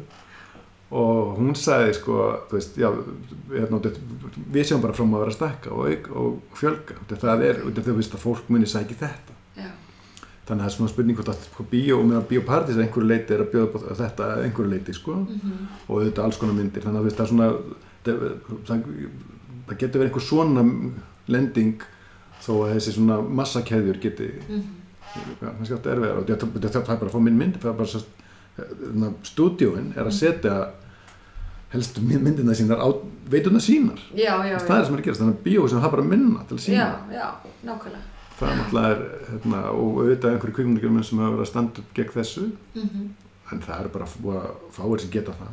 já, nákvæmlega, Veist, en, hérna, þannig að þetta verður þetta, verður svona eins og bara og hugsanlega er þetta einhver þróun sem að bara hérna, COVID sko var að flýta fyrir mögulega, maður veit það ekki nefnilega, en, en, en, en já, eins og segi, við held að allt svona needs og, og hátir það, það er kannski verða þurfa að vera sterkari móti, og muni vera sterkari það, það, það verður þörf fyrir þetta sko. já, en það er, sko, mikilvæga hátíðana er líka bara svona fólkið því að þú veist að fólk hittist, bara já. eigin persónu, þú veist, að eiga þessi samtölu, að hitta aðra í geiranum og, og Mhm. þú veist, þú ert að gera þetta og ég er að gera þetta og eiga þessi samtölu, mér hefur Mhm. alltaf fundist það, að, sko, alveg, ég hef farið mikið á kvikmyndaháttir, bæði Mhm. út af hérna, stöðmyndunum mínum og, og þegar ég var að þróa skjálta, þú veist, ég til dæmis fór, ég var valin á hérna, TIFF TIFF Filmmakers Lab, Mhm. þú veist, í Toronto og þar hérna var ég fymta prógrami bara, þú veist, bara þróa skjálta og bara lærði alveg helling og, og og það meðan hátíðin er það já, meðan hátíðin er Mhm.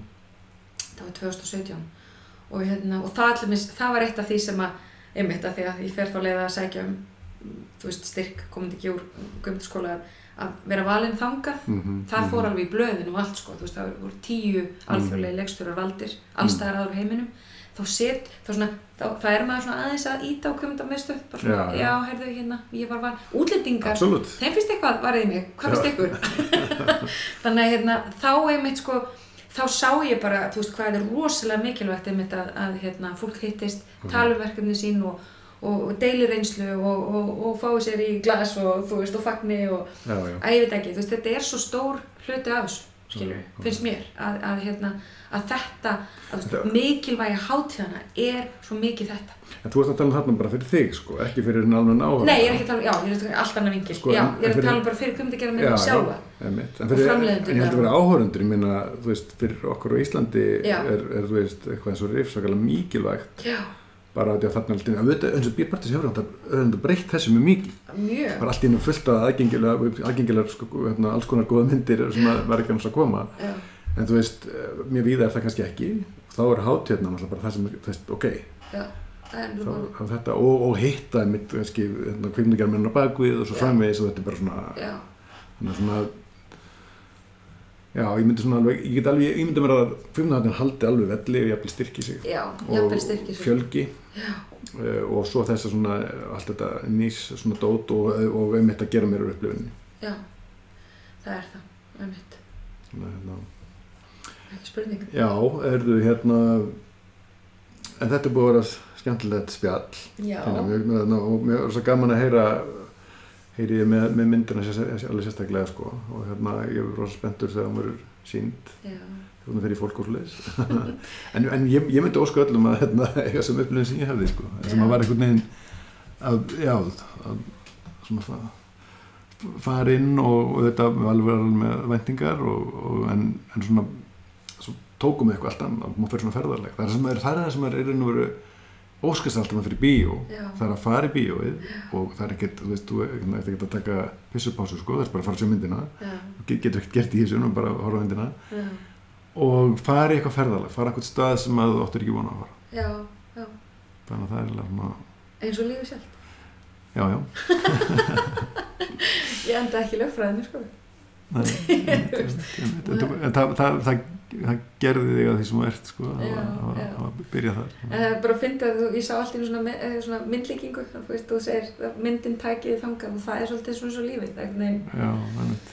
Og það er, það er svo gaman, alveg svo þú segir, já, og svo þegar það gengur upp, þá er það svo frábært, alveg sem er lífið, það er, þú veist, þegar það gengur upp, þá er það svo frábært, já, maður heldur alltaf sko, maður horfir á einhverja fyrirmyndir. Mhm. þessi komst á þennan stað sem að mér langar að vera hann einhver þá þessi leið, ok, hérna, og svo er ég einhvern veginn, hæ, ég er ekkert að hérna, tekja þessi box sem þessi fór, einhvern veginn.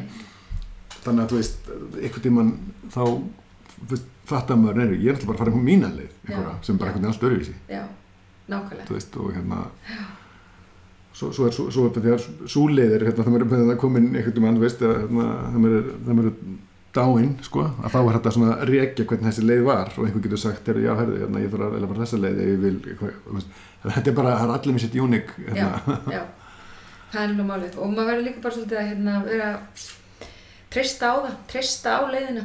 Það er einhvern veginn, sko, að því að ég hef svo oft, sem sagt, einmitt ég hef svo oft, hérna heyrðu uh, það væri best að þetta færi svona. Mhm, en ég hef svo oft lendið í að það fór ekki eins og ég vildi að það færi. mhm, og en hérna, en, en á endanum þegar að til kastana kom þá var eins og þetta fór Já. miklu betra ég er rosalega í og hérna, sko já, ég nefnilega, sko, veist, og ég trúi því svolítið að hlutin fara eins og er eiga að fara. mm. Ég til dæmis trúi því núna í dag að ég átti ekki að fá þennan samning í þjóðleikusinu eða borgarleikusinu Mhm, sem mhm. ég sá fyrir mig því ég var útskrifast að leikona. Mm Ég er rosalega fegin í dag af því að ég stór efa það að ég væri í þessum st- stað sem ég er í núna ef ég hefði gert það. Nú er ég ekki að meina, Já, já. ég bara meina fyrir mig persónulega. Þá gerði mér rosalega gott að fá að upplifa sko, að hlutinir eru ekki einfaldir Já. og þú veist, þú þarf svolítið að hafa fyrir hlutunum og, og hérna og ég þurfti að berjast fyrir mínu og ég held líka bara að, að þú veist, þó að það ekki verið markmið þá hef ég kannski náð svolítið bara að sanna að hver ég er Mm. fyrir sjálfur mér í leiðinni og Já. geta þá staðið, staðið einhvern veginn bara sterk þar. Mm þetta er meina, við, við, við verðum að hafa sérstaklega þessu fæi að hafa þessa trú. Já, ég veit það. Þú veist að hérna að, meina, en, ég, veit alveg hvað þú meina Já, en maður upplifir þetta oft Já. það var frábært að, meina, veist sérstaklega þegar eitthvað verkefni er að frestast og eitthvað já, svona það er um frábært þá, þá náði ég að laga þetta dót og eitthvað svona. Einmitt þú verður eiginlega að hafa þessu trú vegna þess að, Já. já. vegna þess að þú veist, hlutinir fara eins og, ég held líka að það gerist þegar þú reynir að stjórna ekki of miklu sjálfur, skilur, Mm. ef þú ert alveg bara að reyna að stýra öllu sjálfur og ert Mhm. alveg með fyrirfram mó- mótaða hluti, hluti þá einhvern veginn kannski verður þetta eitthvað flókið, en, en já að, að, að, að, yfirleitt fara hlutinir bara eins og þeir eiga að fara þú veist, það er svolítið svo leiðis mjög gott, hérna, við látum þetta bara vera að loka orð. Takk fyrir komina Takk fyrir að hafa með hérna. gangið sér best með hérna, hérna, frumsyngu myndarinnar. Og svo er þetta mjög spennandi sjónvansæri sem ég hlakka til að sjá. Gott að heyra, gott að heyra. Vonum að það gangi eftir.